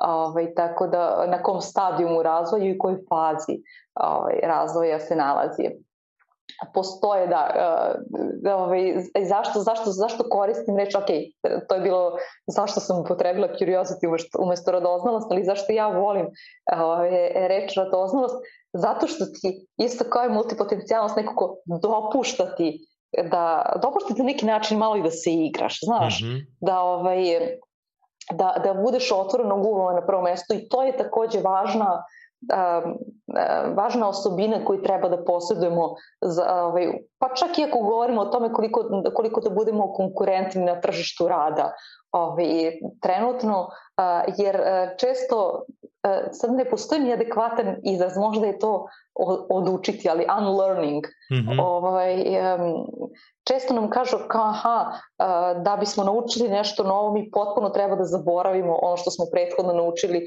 i sve. Ili aha, treba da imamo ovaj, različita različite poglede i, i, i tako dalje. Bez otvorenosti tog uma koja nam daje ovaj, radoznost, ništa od toga ne možemo da postignemo. Ovaj, tako da a, to nije karakteristika. Odvikavanje uvek da... može da posluži. Odvikavanje od starih navika i starih znanja. Da, da. Ovaj, a, tako, tako da je to definitivno nešto što ne treba da bude svojstveno samo uh, iako kažemo aha, klinci su radoznali tako da ne i mi odrasli kako treba da Da, ja sam skoro da- pronašao, da, ja sam skoro pronašao ono better done than perfect je stara izreka, a, a ja sam našao da je na srpskoj, u srpskoj verziji bolje završeno nego savršeno. Mnogo fenomenalno zvuči na, na srpskom. Našao sam, počinjem da pronalazim neke stvari koje mnogo dobro zvuče na srpskom i meni je radoznalost kao reč jedna od vrhunskih reči uh, u našem jeziku I uh, upravo zato, naročito što ja dosta stvari gledam kroz neki branding potencijal, Curiosity Stream je jedan od uh, velikih, uh, velikih dokumentarnih programa svetskih i onda prosto ja ništa ne bih brandirao sa rečju Curiosity baš iz tog razloga da se ne bi mešalo. Zato mi je ovaj deo, a, negde sam želeo to da te pitam, a ja vidim da jako često koristiš... Ali opet s druge strane, da. Ali opet s druge strane nekako, znaš, e, ako hoćeš nekada da uhvatiš širu masu, onda to curiosity čak nekako malo seksije zvuči. Aha, aha, aha. Ovaj, tako da ima, kažem, da, da uhvatiš talas. Da, ovaj, da, da, da onako malo, malo više nego što tvoja konkretna ciljna grupa zamaraš. Nekada treba da balansiraš, ovaj, makar to, to moje mišljenje, između, da koketiraš onako između a, jednog a, i drugog. A, znaš šta, kad pogledaš, a, da, a, postoje stvarno fenomenalni a, izrazi u srpskom jeziku koje smo mi zaboravili. E, neki ljudi zato što ne čitaju, ne čitaju ono što se zove ne, ne fikcija, a, ovaj, ne, ne, jako malo ovaj, čitaju pod jedan to, mm -hmm. a jedan deo ljudi koji čita tražići, jureći neka nova znanja na stranim jezicima na prvom mestu za, na engleskom jeziku i zato imamo taj, ovaj, da kažem, kad problem. Uglavnom, da gledamo da nas neko razume, koristimo što, što manje i što jednostavnijih ovaj, reči i mislim da je da, da zato dolazi a, do opšteg ovaj, osiromašavanja našeg ovaj, vokabulara kao takvog. Spomenula sam ti, evo, ovaj, pa ću reći, osmeli ću se da kažem, i sada postoji na YouTube-u je taj snimak, ja sam ga davno gledala, ali trebalo bi da još uvek gde e, Radoš Bajić u emisiji Ognjena Amidžića, mislim sada znam da ovo uopšte ne zvuči kao da ima dobar potencijal, ovaj, ali da nešto naučite, Dobro. ali stvarno govori i objašnjava naše arhaične izraze. I to je fenomenalno. To je potpuno, ovaj, mislim da se baš tako zove, Radoš Bajić objašnjava, a ukucite Radoš Bajić Ognjena Amidžić, naći ćete verovatno, odnosno Nije bilo ono, i tako nije bilo tako. Ali kažem, ja stvarno ne pratim ovaj, njegov opus ovaj, kinematografski, ali to je njegov vrlo važan doprinos našoj uh, kulturi, hajde tako da kažemo, taj, taj klip ima izuzetnih, uh, u ovom momentu, ovaj, pošto to nisam spremila za naš razgovor, mm -hmm. ne mogu da se setim ni jednoga i žao mi zbog toga, ovaj, ali stvarno, stvarno, stvarno ima ovaj, iz, izuzetnih reči. Začutiš kaš kao nekada, ha, kao, pa zapravo meni bi trebalo mnogo više da objasnim ja taj pojem mm -hmm. ovaj, i značenje toga ovaj, nego što je ovaj, tom jednu reči. To je Ali ja, ba, ja baš volim kako se ti igraš sa rečima i zato vidim koliko su tebi reči važne. Recimo kada si napisala sebi da si degustatorka avantura, meni je to fenomenalno, zato što ljudi obično o avanturama razmišljaju kroz adrenalin, ili kroz totalni hedonizam. Znači, ono, sediš i najedeš se avantura. Degustacija kao reč u kombinaciji sa rečju avantura je meni sjajna, jer ja se sećam i nekih tvojih sad već kroz maglu, putopisa, znam da si išla negde po Aziji i slično, a kada si napisala o sebi da si degustatorka avantura, meni uh, odmah sam zamislio taj neki švedski sto avantura gde ti prosto vidiš, odabereš ono što se tebi najviše dopada i probaš deo toga. Ne, ne uđeš ono sa punim bićem idem da živim negde ono nekoliko godina i slično, nego prosto želiš da probaš nešto i ono što je mnogo važno za degustatore, često degustatori podele svoje iskustva i preporuče ti šta je najbolje od svega toga. Zato je meni to, kako ti biraš svoje avanture, kako ti... E, da kako ti biraš svoja putovanja, kako ova kombinacija radoznalosti i degustacije zapravo utiče na ono kako ti biraš svoje putovanja? Na sreću ne vidi se još uvijek mnogo, ali biram stomakom. šalim se, šalim, šalim se. Uh, evo da, da ja objasnim kako svoje tumačenje toga, da, odnosno doživlje toga degustatora avantura, šta je vrlo bitno kada proživljamo bilo takve avanture, da, da smo ih zaista svesni i da da to bude, e, zašto je taj meni taj moment degustacije, da to bude lagano, onako da uživamo u tom trenutku i slično da se prepustimo tome i slično. Da, ja, ja sam imala i neke ovaj, adrenalinske avanture, recimo, ne znam, vožnju paraglidingom i tako dalje, tako dalje, ali uh, ja u tom trenutku nisam uzela telefon da sebe snimam i tako da bih prenosila na mrežu i ostalo, već sam potpuno, leteli smo iznad nekih džinovskih palmi i tako dalje, već potpuno bila u tom ovaj trenutku, mm -hmm. ovaj, zato što je meni, jer ja sam došla tu zbog toga, ja nisam došla ovaj, i, i ne bih ni videla, ja taj snimak ne bih posle ni pogledala i ostalo, ovaj, tako da je otud ovaj, ta, ta degustacija avantura eh, kao takva. Kako biram destinacije na koje ću ići, recimo ovaj, u Aziji sam, kada to nije bilo toliko popularno kao danas, ovaj, bila u Vijetnamu i Kambođi, uh, bila sam u Indoneziji, ali ne na Baliju, već, već sam bila na ostravu Sulawesi, koji jeste jedno od četiri najveće, ali praktično osim nekada odlaze australijski turisti, ali jako malo, hajde, čak da kažemo, manje su zastupljeni uh, ljudi ovako bele puti kao, kao mi. Ovaj, tako da je to stvarno bila na taj način avantura. Ne odlazim oni potpuni ovaj, ekstrem, ovaj, nepopularno, ali da, da probam slepe miševe, kada nisu bili tako opasni kao danas. Ovaj, ne, odlazim, ne odlazim baš u, u taj ekstrem, mada priznajem da sam u nekim momentima uh, iz te radoznalosti uh, ovaj, uh, htjela da vidim. Mene nekad zanima kao, aha, ovaj, shvatio si i kroz ovaj razgovor i kroz zanimanje, mene stvarno zanima psihologija ponašanja ljudi, šta stoji za nekih njihovih postupaka i odluka i tako dalje i s te strane i ne uzimam da je moj način niti života niti razmišljanja jedini ispravan. Mm -hmm. On je moj. On je moj, za mene je ispravan, ali ne znači da i uvek na, na način kao aha, a, možda imam čak i taj malo ono FOMO, znaš, ono fear of missing out, odnosno kao strah da ću nešto propustiti u životu, nešto što valja. Ovaj, pa onda kažem aha, kao oj, da vidim ja da li postoji, kao kako drugi ljudi pristupaju nečemu, razmišljaju i ostalo. E, tako da volim, e, ne volim potpuno komercijalne destinacije i ja se sad spremam za, za more, to je više e, ono kao klasično ovaj, more, opet zbog, zbog male če, zbog čerke, ovaj, ali ja odmor zamišljam stvarno potpuno ovaj, ono, drugačiji kao istraživanje novih predela i slično. Bila smo recimo, i to je bila avantura autobusom Jermenija, Gruzija, Azerbejdžan.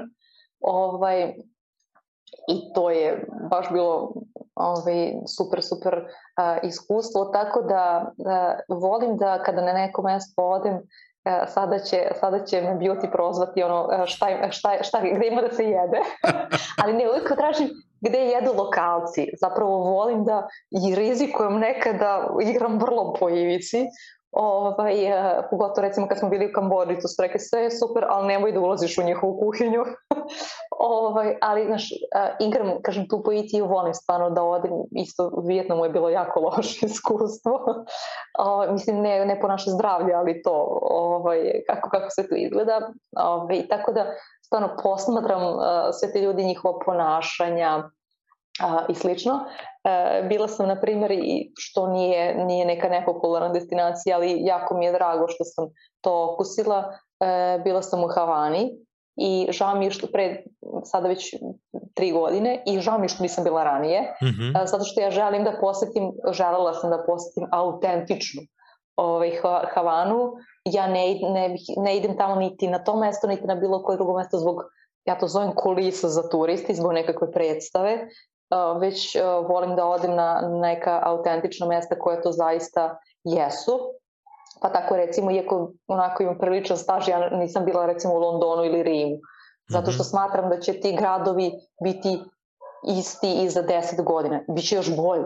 Mm -hmm. Ali neka, neka mesta neće biti tako autentična zbog one autentičnosti zbog koje sam ja otišla kao što recimo Havana i kažem žao mi je što stvarno nisam imala priliku da odem još pre 10 godina zbog, zbog toga što je ona bila.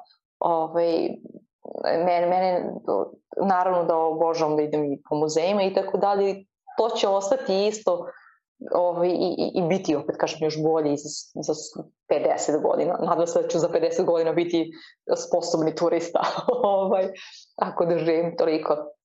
A, recimo isto super, super iskustvo mi je bilo, bez obzira što nije na taj način ovaj, autentično, ali Talin, ovaj, ali kažem, Talin, ok, Talin će biti samo još, još bolji, to je grad uh, u ekspanziji na jedan mm -hmm. poseban ovaj, način, ali nije, nije ta vrsta, pomalo možemo da kažemo, sirovosti, kakav je u tom trenutku Jerevan ili ili ovaj, gradovi po kojima sam bila u Gruziji ili slično ovaj, istovremeno ovaj, i Baku koji je opet poseban sam po sebi gde onako imaš vrlo i, imaš s jedne strane fenomenalne, prelepe, ogromne građevine, sve čisto i tako dalje. Sa druge strane imaš ljudi koji u centru, maternu centru grada, odmah tu iza ćoška kolju kozu ili tako, znaš, disharmonija potpuno, ovaj, ali sve to to mesto čini takvim kako jeste. Ovaj, tako da ne, ne volim nekakve ono, bilo, bilo šta što...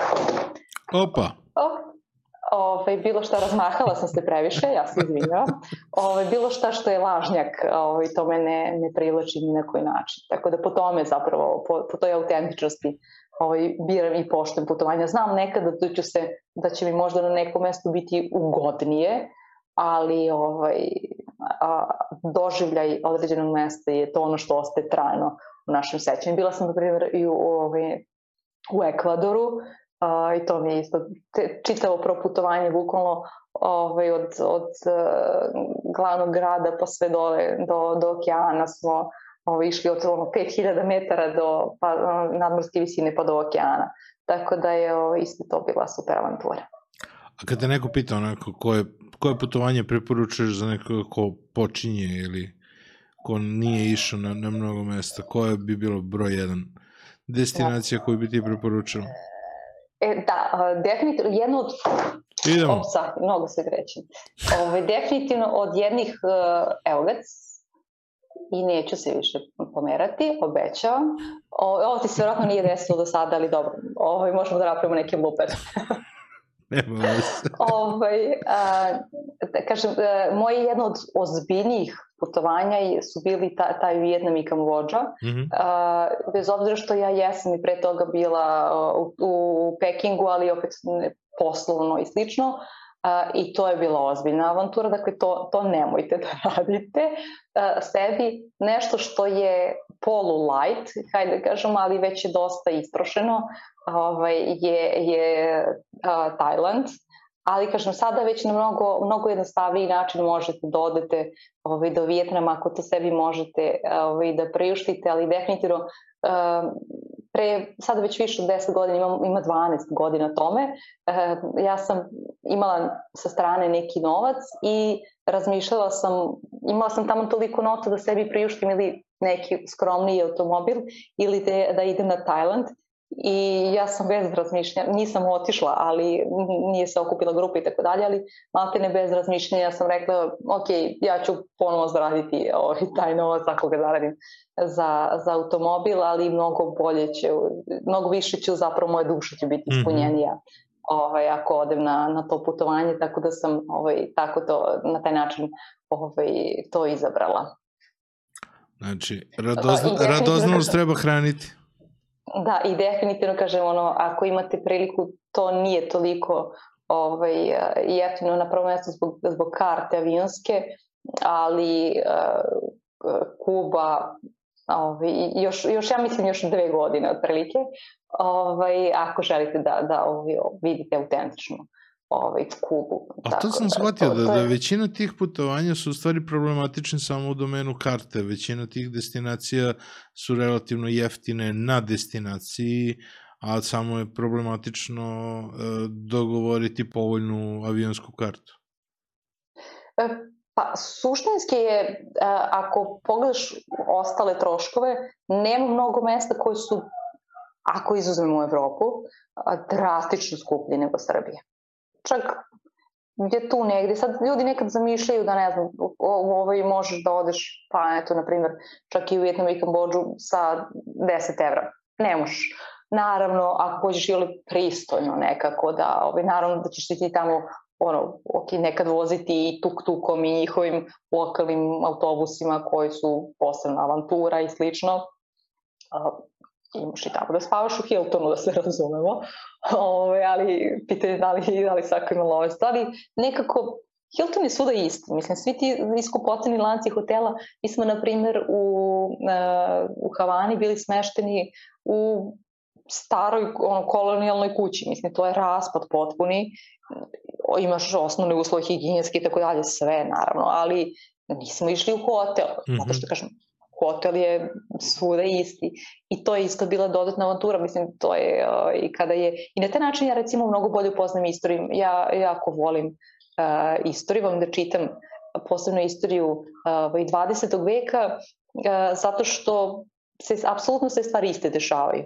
Znaš, i ovaj, istorija se ponavlja, samo su malo različiti neki pojavni oblici i nekad nas malo više košta, mm -hmm. ali bukvalno se sve, sve stvari, i onda mi to mnogo pomaže da shvatim zapravo e, dešavanja što se, što se danas dešava u svetu e, i nekako šta će se potencijalno ovaj, događati, jer uh, i tehnološki napredak i svaki je, ogrom, je veliki, ali e, ljudski um se jako sporo ovaj, menja, a, tako da, a pošto je to, to nešto što na neki način polukomanduje mm -hmm. svim ostalim ovaj, promenama, kada kažem ljudski um mislim e, generalno, a, jer znamo da, da, da, ono, da, da svim promenama je potrebno neko vreme da budu prihvaćene a, i svim, pa ako govorimo i nekim epohalnim ljudskim pronalascima ili slično, da oni nisu tek preko noći krenuli da se masovno koriste, uh, ovaj, odnosno imali svoj, svoj zenit, doživali svoj zenit. Mm -hmm. Tako da o tome, o tome ovaj, pričam, ne o, ne o izuzetnim pojedincima, ovaj, već, već o srednjoj vrednosti, hajde tako da kažemo, koja je definitivno vrlo bitna uh, da se, da se nešto primi. Sve vreme pominješ čitanje knjige, nekoliko godina si bila urednica u izdavačkoj kući Finesa, jednog seta knjiga koje su meni jako dragi jer su direktno neke od najboljih izdanja koje, se, koje su vezane za dakle iz, nefikcis, ne, iz nefikcijskog opusa koje su jako važne za razvoj nekih znanja koje su važne za, za posao. Uh, kako je bilo to tvoje iskustvo? Da. E, to je, uh, malo pre smo se dotakli tog, toga, ali kao da, da, sta, te stalno, plaći, stalno plaći se, nešto što ti voliš. Da, stalno se, proži, plaći, stalno se prožima. Da, ovaj, uh, ja sam prvo krenula da, uh, eto, to je, ovaj, ako govorimo o nekom savjetu, kako da E, da kreneš da radiš ono što voliš ili da se angažeš, e, pošto dosta ovaj, čitam i rekli smo već, e, uglavnom tražim stranu literaturu gledajući neke trendove koji će tek biti u, usponu kod nas ili šta je to što, hajde kažemo, što dolazi i slično i onda je samim tim to uglavnom nešto što je, što je na engleskom. I onda sam ja tako spontano poznavajući menadžerku izdavačke kuće Finesa Lidiju uh, krenula da je šaljem kao je možda vam je ovo zanimljivo i tako dalje i onda je Lidija nam došla kao pa dobro što stvarno mi ne bismo formalizovali. Aj dođi radi. kao što ne bismo formalizovali ovaj, ovo uh, i tako da postoji e, ako me pitaš kao, kako je izgledalo, to tako što postoji e, set u, uglavnom, osim ako nemamo baš neke knjige kao je ovo je, ovo je, ovo je sada goruće se i ovu knjigu preporučuju, hajde da vidimo je li vredi, ovaj, ali postoji teme koje, za koje smatramo da su bitne, važne mm -hmm. da se pokriju o, i onda prema tome e, tražimo ovaj, knjige. I ono što je meni takođe bilo važno, osim tema koje, e, koje i zajedno kada se pogledaju čini jedan skup i doprinose nečemu, a i svaka pojedinačno ovaj, od njih, isto mi je važno koliko može da rezonira sa, hajde kažemo, lokalnim lokalnom čitalačkom publikom. Ali definitivno knjiga na koju sam naj, naj, najponosnija, bez obzira što stvarno ima nekih ono, fenomenalnih izdanja koje bih se ja obradovala i drago mhm. mi je što postoje na srpskom jeziku. Recimo, najviše pohvala je dobila knjiga, na primjer, Atomske navike, Mm -hmm. uh, ali knjiga koja je meni baš najviše na srcu, uh, to je Veliki iskorak Tare Mor.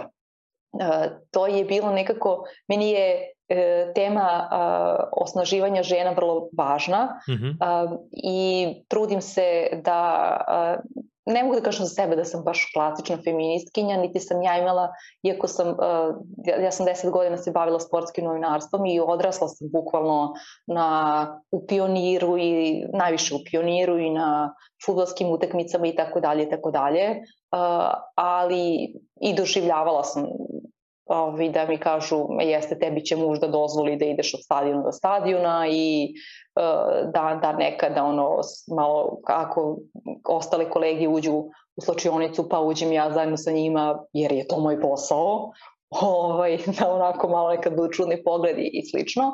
Ovaj, ali, kažem, meni je uh, taj moment stvarno ovaj, vrlo bitan osnaživanje žene, tako da mi je ta knjiga i bili su stvarno izuzetno, uh, izuzetno dobri komentari i znam da je uh, mnogim ženama ovaj, koje, koje, čiji ja rad poštujem doprinela i one su dobile novu inspiraciju uh, da pokrenu nešto novo ili da nadograde uh, svoje trenutne i proizvode i usluge, uh, neke da se osmele da rade nešto novo i, i dan danas iako ono sede čitaju po ko zna koji put u knjigu i podlače, ovaj, u njoj dobiju baš novu inspiraciju. Kažem, eto, htela sam tu knjigu da, da posebno naglasim bez obzira što stvarno ima, ovaj, su neke teme, uh, hajde kažemo, donesene na srpski jezik kojih prethodno ovaj, nije bilo i, i design, ok, design thinking je domaća, domaća mm -hmm. knjiga, ali e, literatura iz oblasti digitalne transformacije,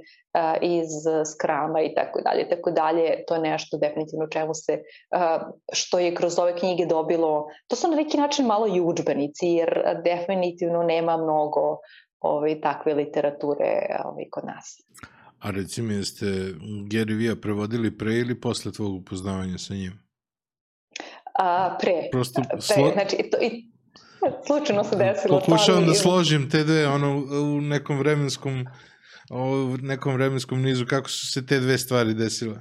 Da, da. Pre, ja sam, e, i svakome u nekom e, razvoju životnom Geri ovaj, bude ovaj, dodatni onako boost, e tako, tako je i meni baš u tom periodu i stvarno e, čak meni je lakše da ga konzumiram bez obzira što on ima pisca, za to ne piše on direktno ove, te knjige, ali lakše mi je da ga konzumiram iskreno ovaj, na, na taj način nekada mi je ono dosta agresivan, nekada ono, imam poluepi napad kad ga gledam, ovaj, ali kažem, ovaj, knjiga je e, nekako pravi način.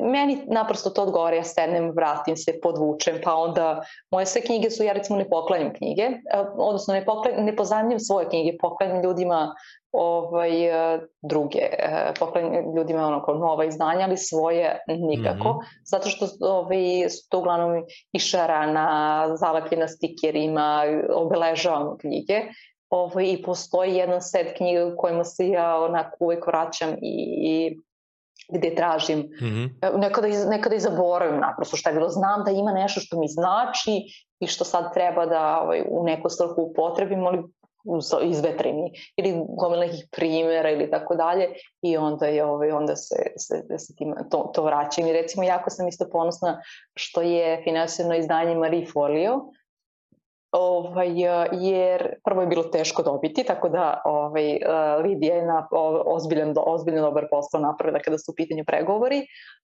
a znam da i ženama koje su preduzetnice ili koje razmišljaju o tome da budu preduzetnice, je ona na neki način uzor, mnogo njih prati ovaj, nju, pa tako da za, za žene koje još uvijek nisu dobre sa engleskim, ovaj, o, ta knjiga je, da sve rešivo je onako prilično značajna. Takođe ovaj, i, i knjige genijalnog seta godina koji je meni ono prava mera svega, bukvalno. Ovaj, tako da mi, to su, to su knjige. koje su baš onako Da, to, to mi je interesantno da recimo Lynchpin nije preveden na, na, na srpski i recimo čudno je zapostavljen. Ja sam tu knjigu voleo da kupim nek, e, ljudima koji su želeli da promene svoj život. Ovi tvoji, uh, ovi, ovi tvoji Feniksi, što bi se reklo. A, tako da mislim da ako, ako razmišljaš na tu temu, koju knjigu ti poklenjaš? Koju knjigu ti kupuješ drugima? Da. Uh, jedna od knjiga koju sam najviše, sad, sad ćeš očekivati da to bude zašto se niste ubili. Nije. ne, ne. Baš me interesuje. Ti, šalim koja, se, ti koja imaš toliki ono, pregled svega koju knjigu ti u stvari poklanjaš drugima. Da, stvarno, stvarno jeste Tara Moore veliki iskorak, zato što, kažem, dosta, dosta knjiga poklanjam ženama i ona jeste, bukvalno ja sad ovaj, Lidija ni ne zna, ali ja odem ono, i kupim ono, i poklanjam ih, jer, kažem, sve, sve što sam navela da se, da se ne ponavljam, ta knjiga je takođe ok, sad pogledam najviše deče knjige, ovaj, ali ili tu postoji, i recimo tu je, tu je recimo knjiga uh, Lenja mama uh, od Ane Bikove, A tako da, mislim, ovo, ovo je, e, nije, nije potpuno relevantna za ovaj podcast, ali verovatno za jeste za, za sve ljude, mislim, i nebitno mogu da se pronađu, mogu da se pronađu budući roditelji, ili ako ti nisi, ako ti nemaš tebi u ovom periodu ovaj, uzra, ovaj, uzra, izra, rasta tvoje dece, ovaj, će značiti. A ja volim ovaj, preporuke zato što najgore stvar je kad se setiš ono kao ja treba nešto brzo da kupim, tako da, da, ovaj, da. najviše volim preporuke kažem to, ovaj, e, i sada gledam šta su mi tu, da Uh, recimo jedna knjiga koja mi trenutno baš onako stoji intenzivno na stolu i dosta je uh, proučavam, a uh, ima veze sa temom o kojima smo danas pričali, pogotovo o brzom učenju, transferu učenja i slično, to je uh, Bez granica Jima Kvika, između ostalog on je uh, bio trener za mozak i Ilonu Masku sarađivao je sa, sa Novakom Đokovićem. Mm -hmm. i uh, Novak je radio, mislim da prošle godine protest kada je bio lockdown sa njim intervju uh, Instagram live. Uh, i uh, to je, to je meni fenomenalan doprinos uh, i više od svakog Grand Slema koji je osvojio, bez obzira što to duboko poštovanje, ali uh, odajem priznanje Novaku Đokoviću za taj set uh, ovaj, razgovora koji je napravio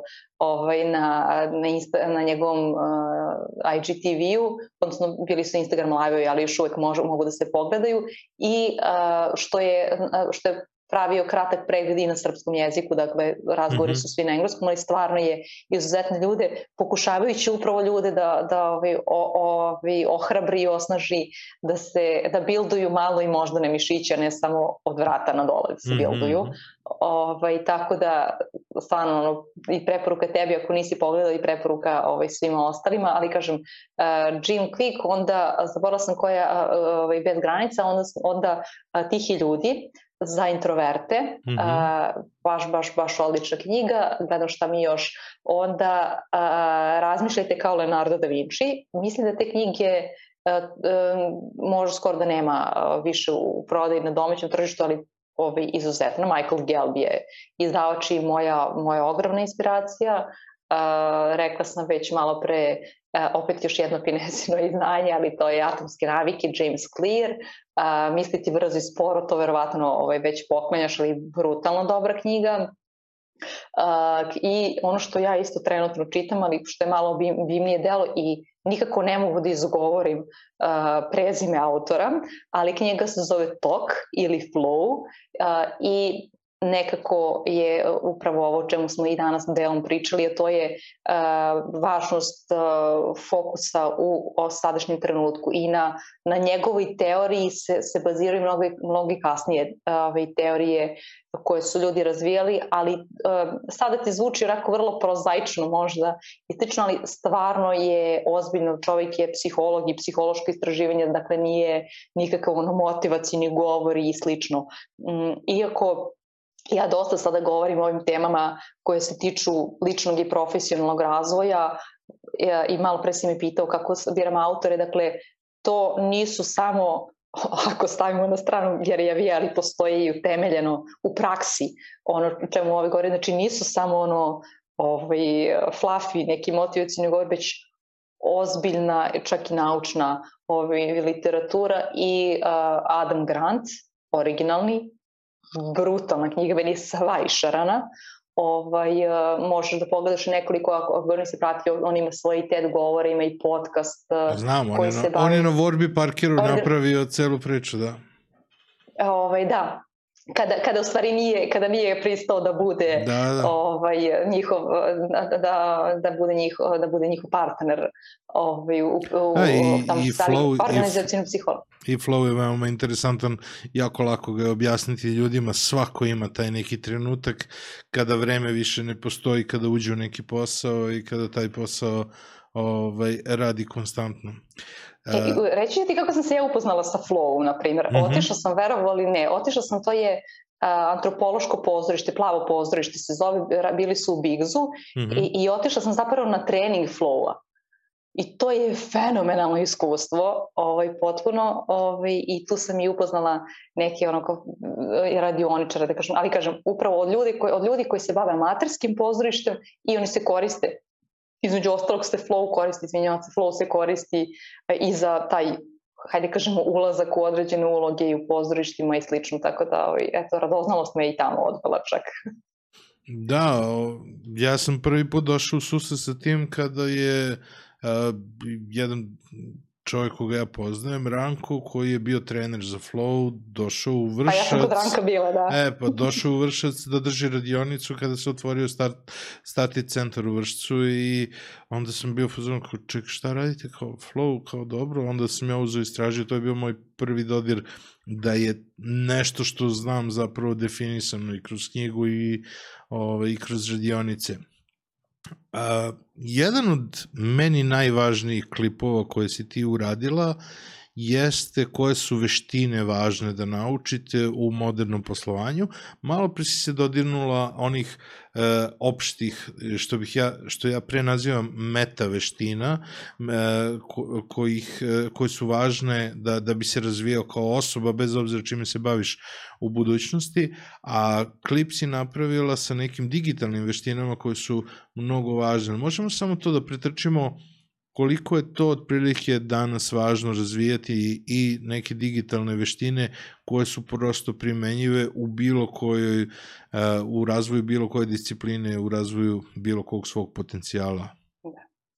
Da. ja sam pre neke dve godine da, imala radionicu medijske pismenosti Dakle, medijska pismenost je definitivno nešto što veština koju treba svi apsolutno da, da vladaju. Ako sam dobro ispratila, delom se ubacuju program čak i osnovnog obrazovanja, e, što izuzetno podržam, ali e, e, je moj deo bila, ja sam to nazvala internet forenzika i to je sad zvučalo onako malo ovaj, seksi da priuče ljude, ali upravo kao ono kako da istražite pošto smo sada ovaj, ono, informacije koje su prave, koje su lažne, ja sam se kao novinar mnogo puta susret, susretela sa tim, ali a, pogotovo zato što a, danas svi prenose informacije, da ne kažem da su svi a, da se svi bavi građanskim novinarstvom, imamo a, već deseta godina poplavu toga a, na, posebno na Twitteru, ali istovremeno koliko je to dobro, tako, tako ima isto mnogo, mnogo ovaj, manipulacija, nekada nekada svesno, nekada nesvesno da neko upadne u čitav taj krug. Tako da je to nešto što, čime definitivno treba da ovladamo. Kada su u pitanju, ja sam iskrena da putem sada malo i zaborav, hvatio da sam me posjetio na taj klip, ma nisam gledala davno. Znaš, ono, kao kad kažu ovim glumci, ja ne gledam ovaj svoje, više svoje prethodne serije, ili je tako i ni ja.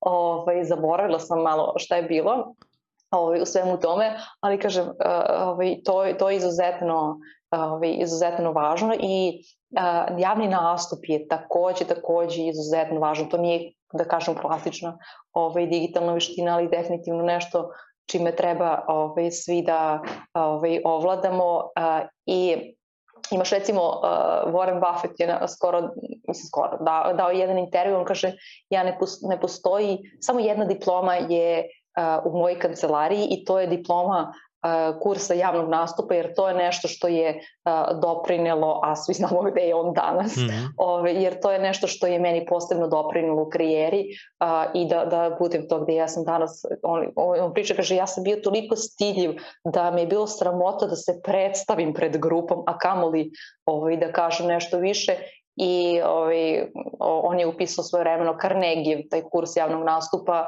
a, i to mu je baš pomoglo da se, da se oslobodi u tom trenutku da vežba na fakultetu, da drži neka predavanja i, i ostalo je istorija.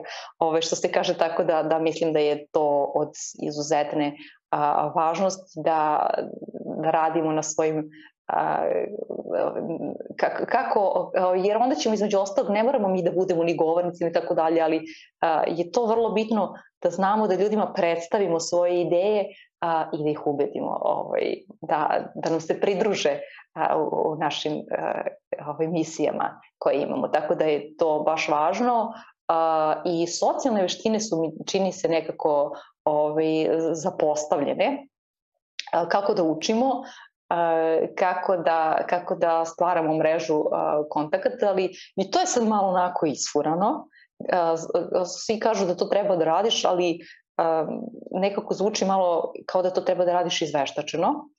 A, I ti si spomenuo da obično ljudi kažu, da ti kažeš ljudima kao ispriča mi nešto o svom psu ili tako dalje. U Americi recimo imamo vrlo često a, da idu zajedno na, na bejsbol, čak i poslovni partneri i tako dalje. Mhm. Jer ovaj, kao što rekoh, mi svi radimo ovaj, posao na kraju dana a, sa, sa ljudima i kada nešto zapne, vrlo nam je bitno da znamo ovaj, ko je kakva osoba. Jedan naš zajednički poznanik ovaj, Nikola Vučićević mi je ispričao, on je otišao, on je uh, izuzetno uspešan dizajner, radio ovde u Srbiji, a ovaj, sada dugo godina živi u Čikagu i kada mi je rekao, kaže, slušaj, ja sam dobijao neke poslove i mnogo pre nekih velikih zvezda, zato što se nekada dešava, kada sam u prilici, da klijentu odgovorim i subotom ovaj, na mail, da oni tačno znaju da računaju šta, ovaj, šta ja mogu i kad mogu mm -hmm. da mhm. uradim, a ne kao da prihvatim neki posao ovaj, i da, da ono, ovaj, me čekaju kao nekog superstara i da ne mogu da se oslone na mene.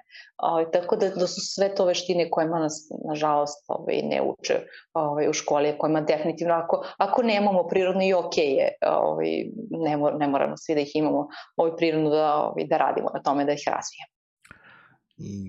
Nešto skorije, je to da si postala majka. Poslednja uh, titula u svom, kako ti kažeš, hipi predstavljanju je babica plemenitih ideja. I sad, to mi je zabavno da ti je to poslednja stavka, a znam da, da voliš dobre ideje. Šta je to što si sada uvidela što rade babice i kako vidiš sebe kao babicu plemenitih ideja? Da, nema veze nikakve. Slučajno se, slučajno se zadesilo da sam to, tu titulu sam zapravo imala ranije ili se drugačije aha, nazivala. Aha.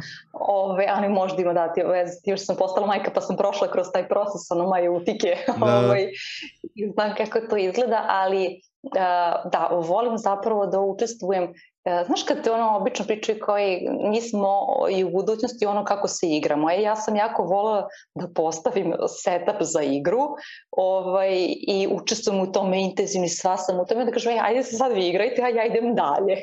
ovaj, e tako volim da stvarno učestvujem u razvoju nekih ideja u koje a, i ja verujem na ovaj ili onaj način da im, do, da, ovaj, da im doprinesem i onda ovaj, prođem kroz taj proces i kažem, ok, ovo, ovo je vaša ideja i nastavite vi da je gajite i ostalo. Ove, e, zato, e, zato ja kažem da sam babica, zato što ove, učestvujem u tom porođajnom procesu i malo sam tu dok ta bebica ovaj, ne, ne stane na nogi, malo duže nego što je babica, ali ovaj, ne stane na nogi i kažem, ok, ovaj, vi sad igrajte, a ja idem ovaj, na, neko, na neko sledeći porođaj. A šta je odmetnik iz besmisla?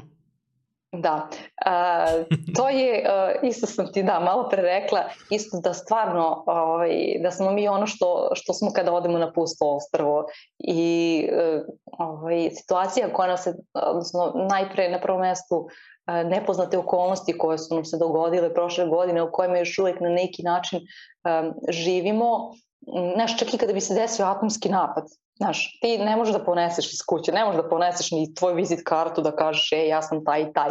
Mislim, jedna ona vrlo zanimljiva priča, kolegu mo, ovaj, mog pokojnog oca su pretukli, ovaj, on je bio čovjek izaštavao i za vreme skidanja Čaušesku i tako dalje, pretukli su ga ovaj, 91. za vreme protesta nasred, nasred Brankovog mosta, znaš, dok je on izvadio vizit kartu da pokaže kako je on novinar Tanjug i tako dalje, prođe, razumeš.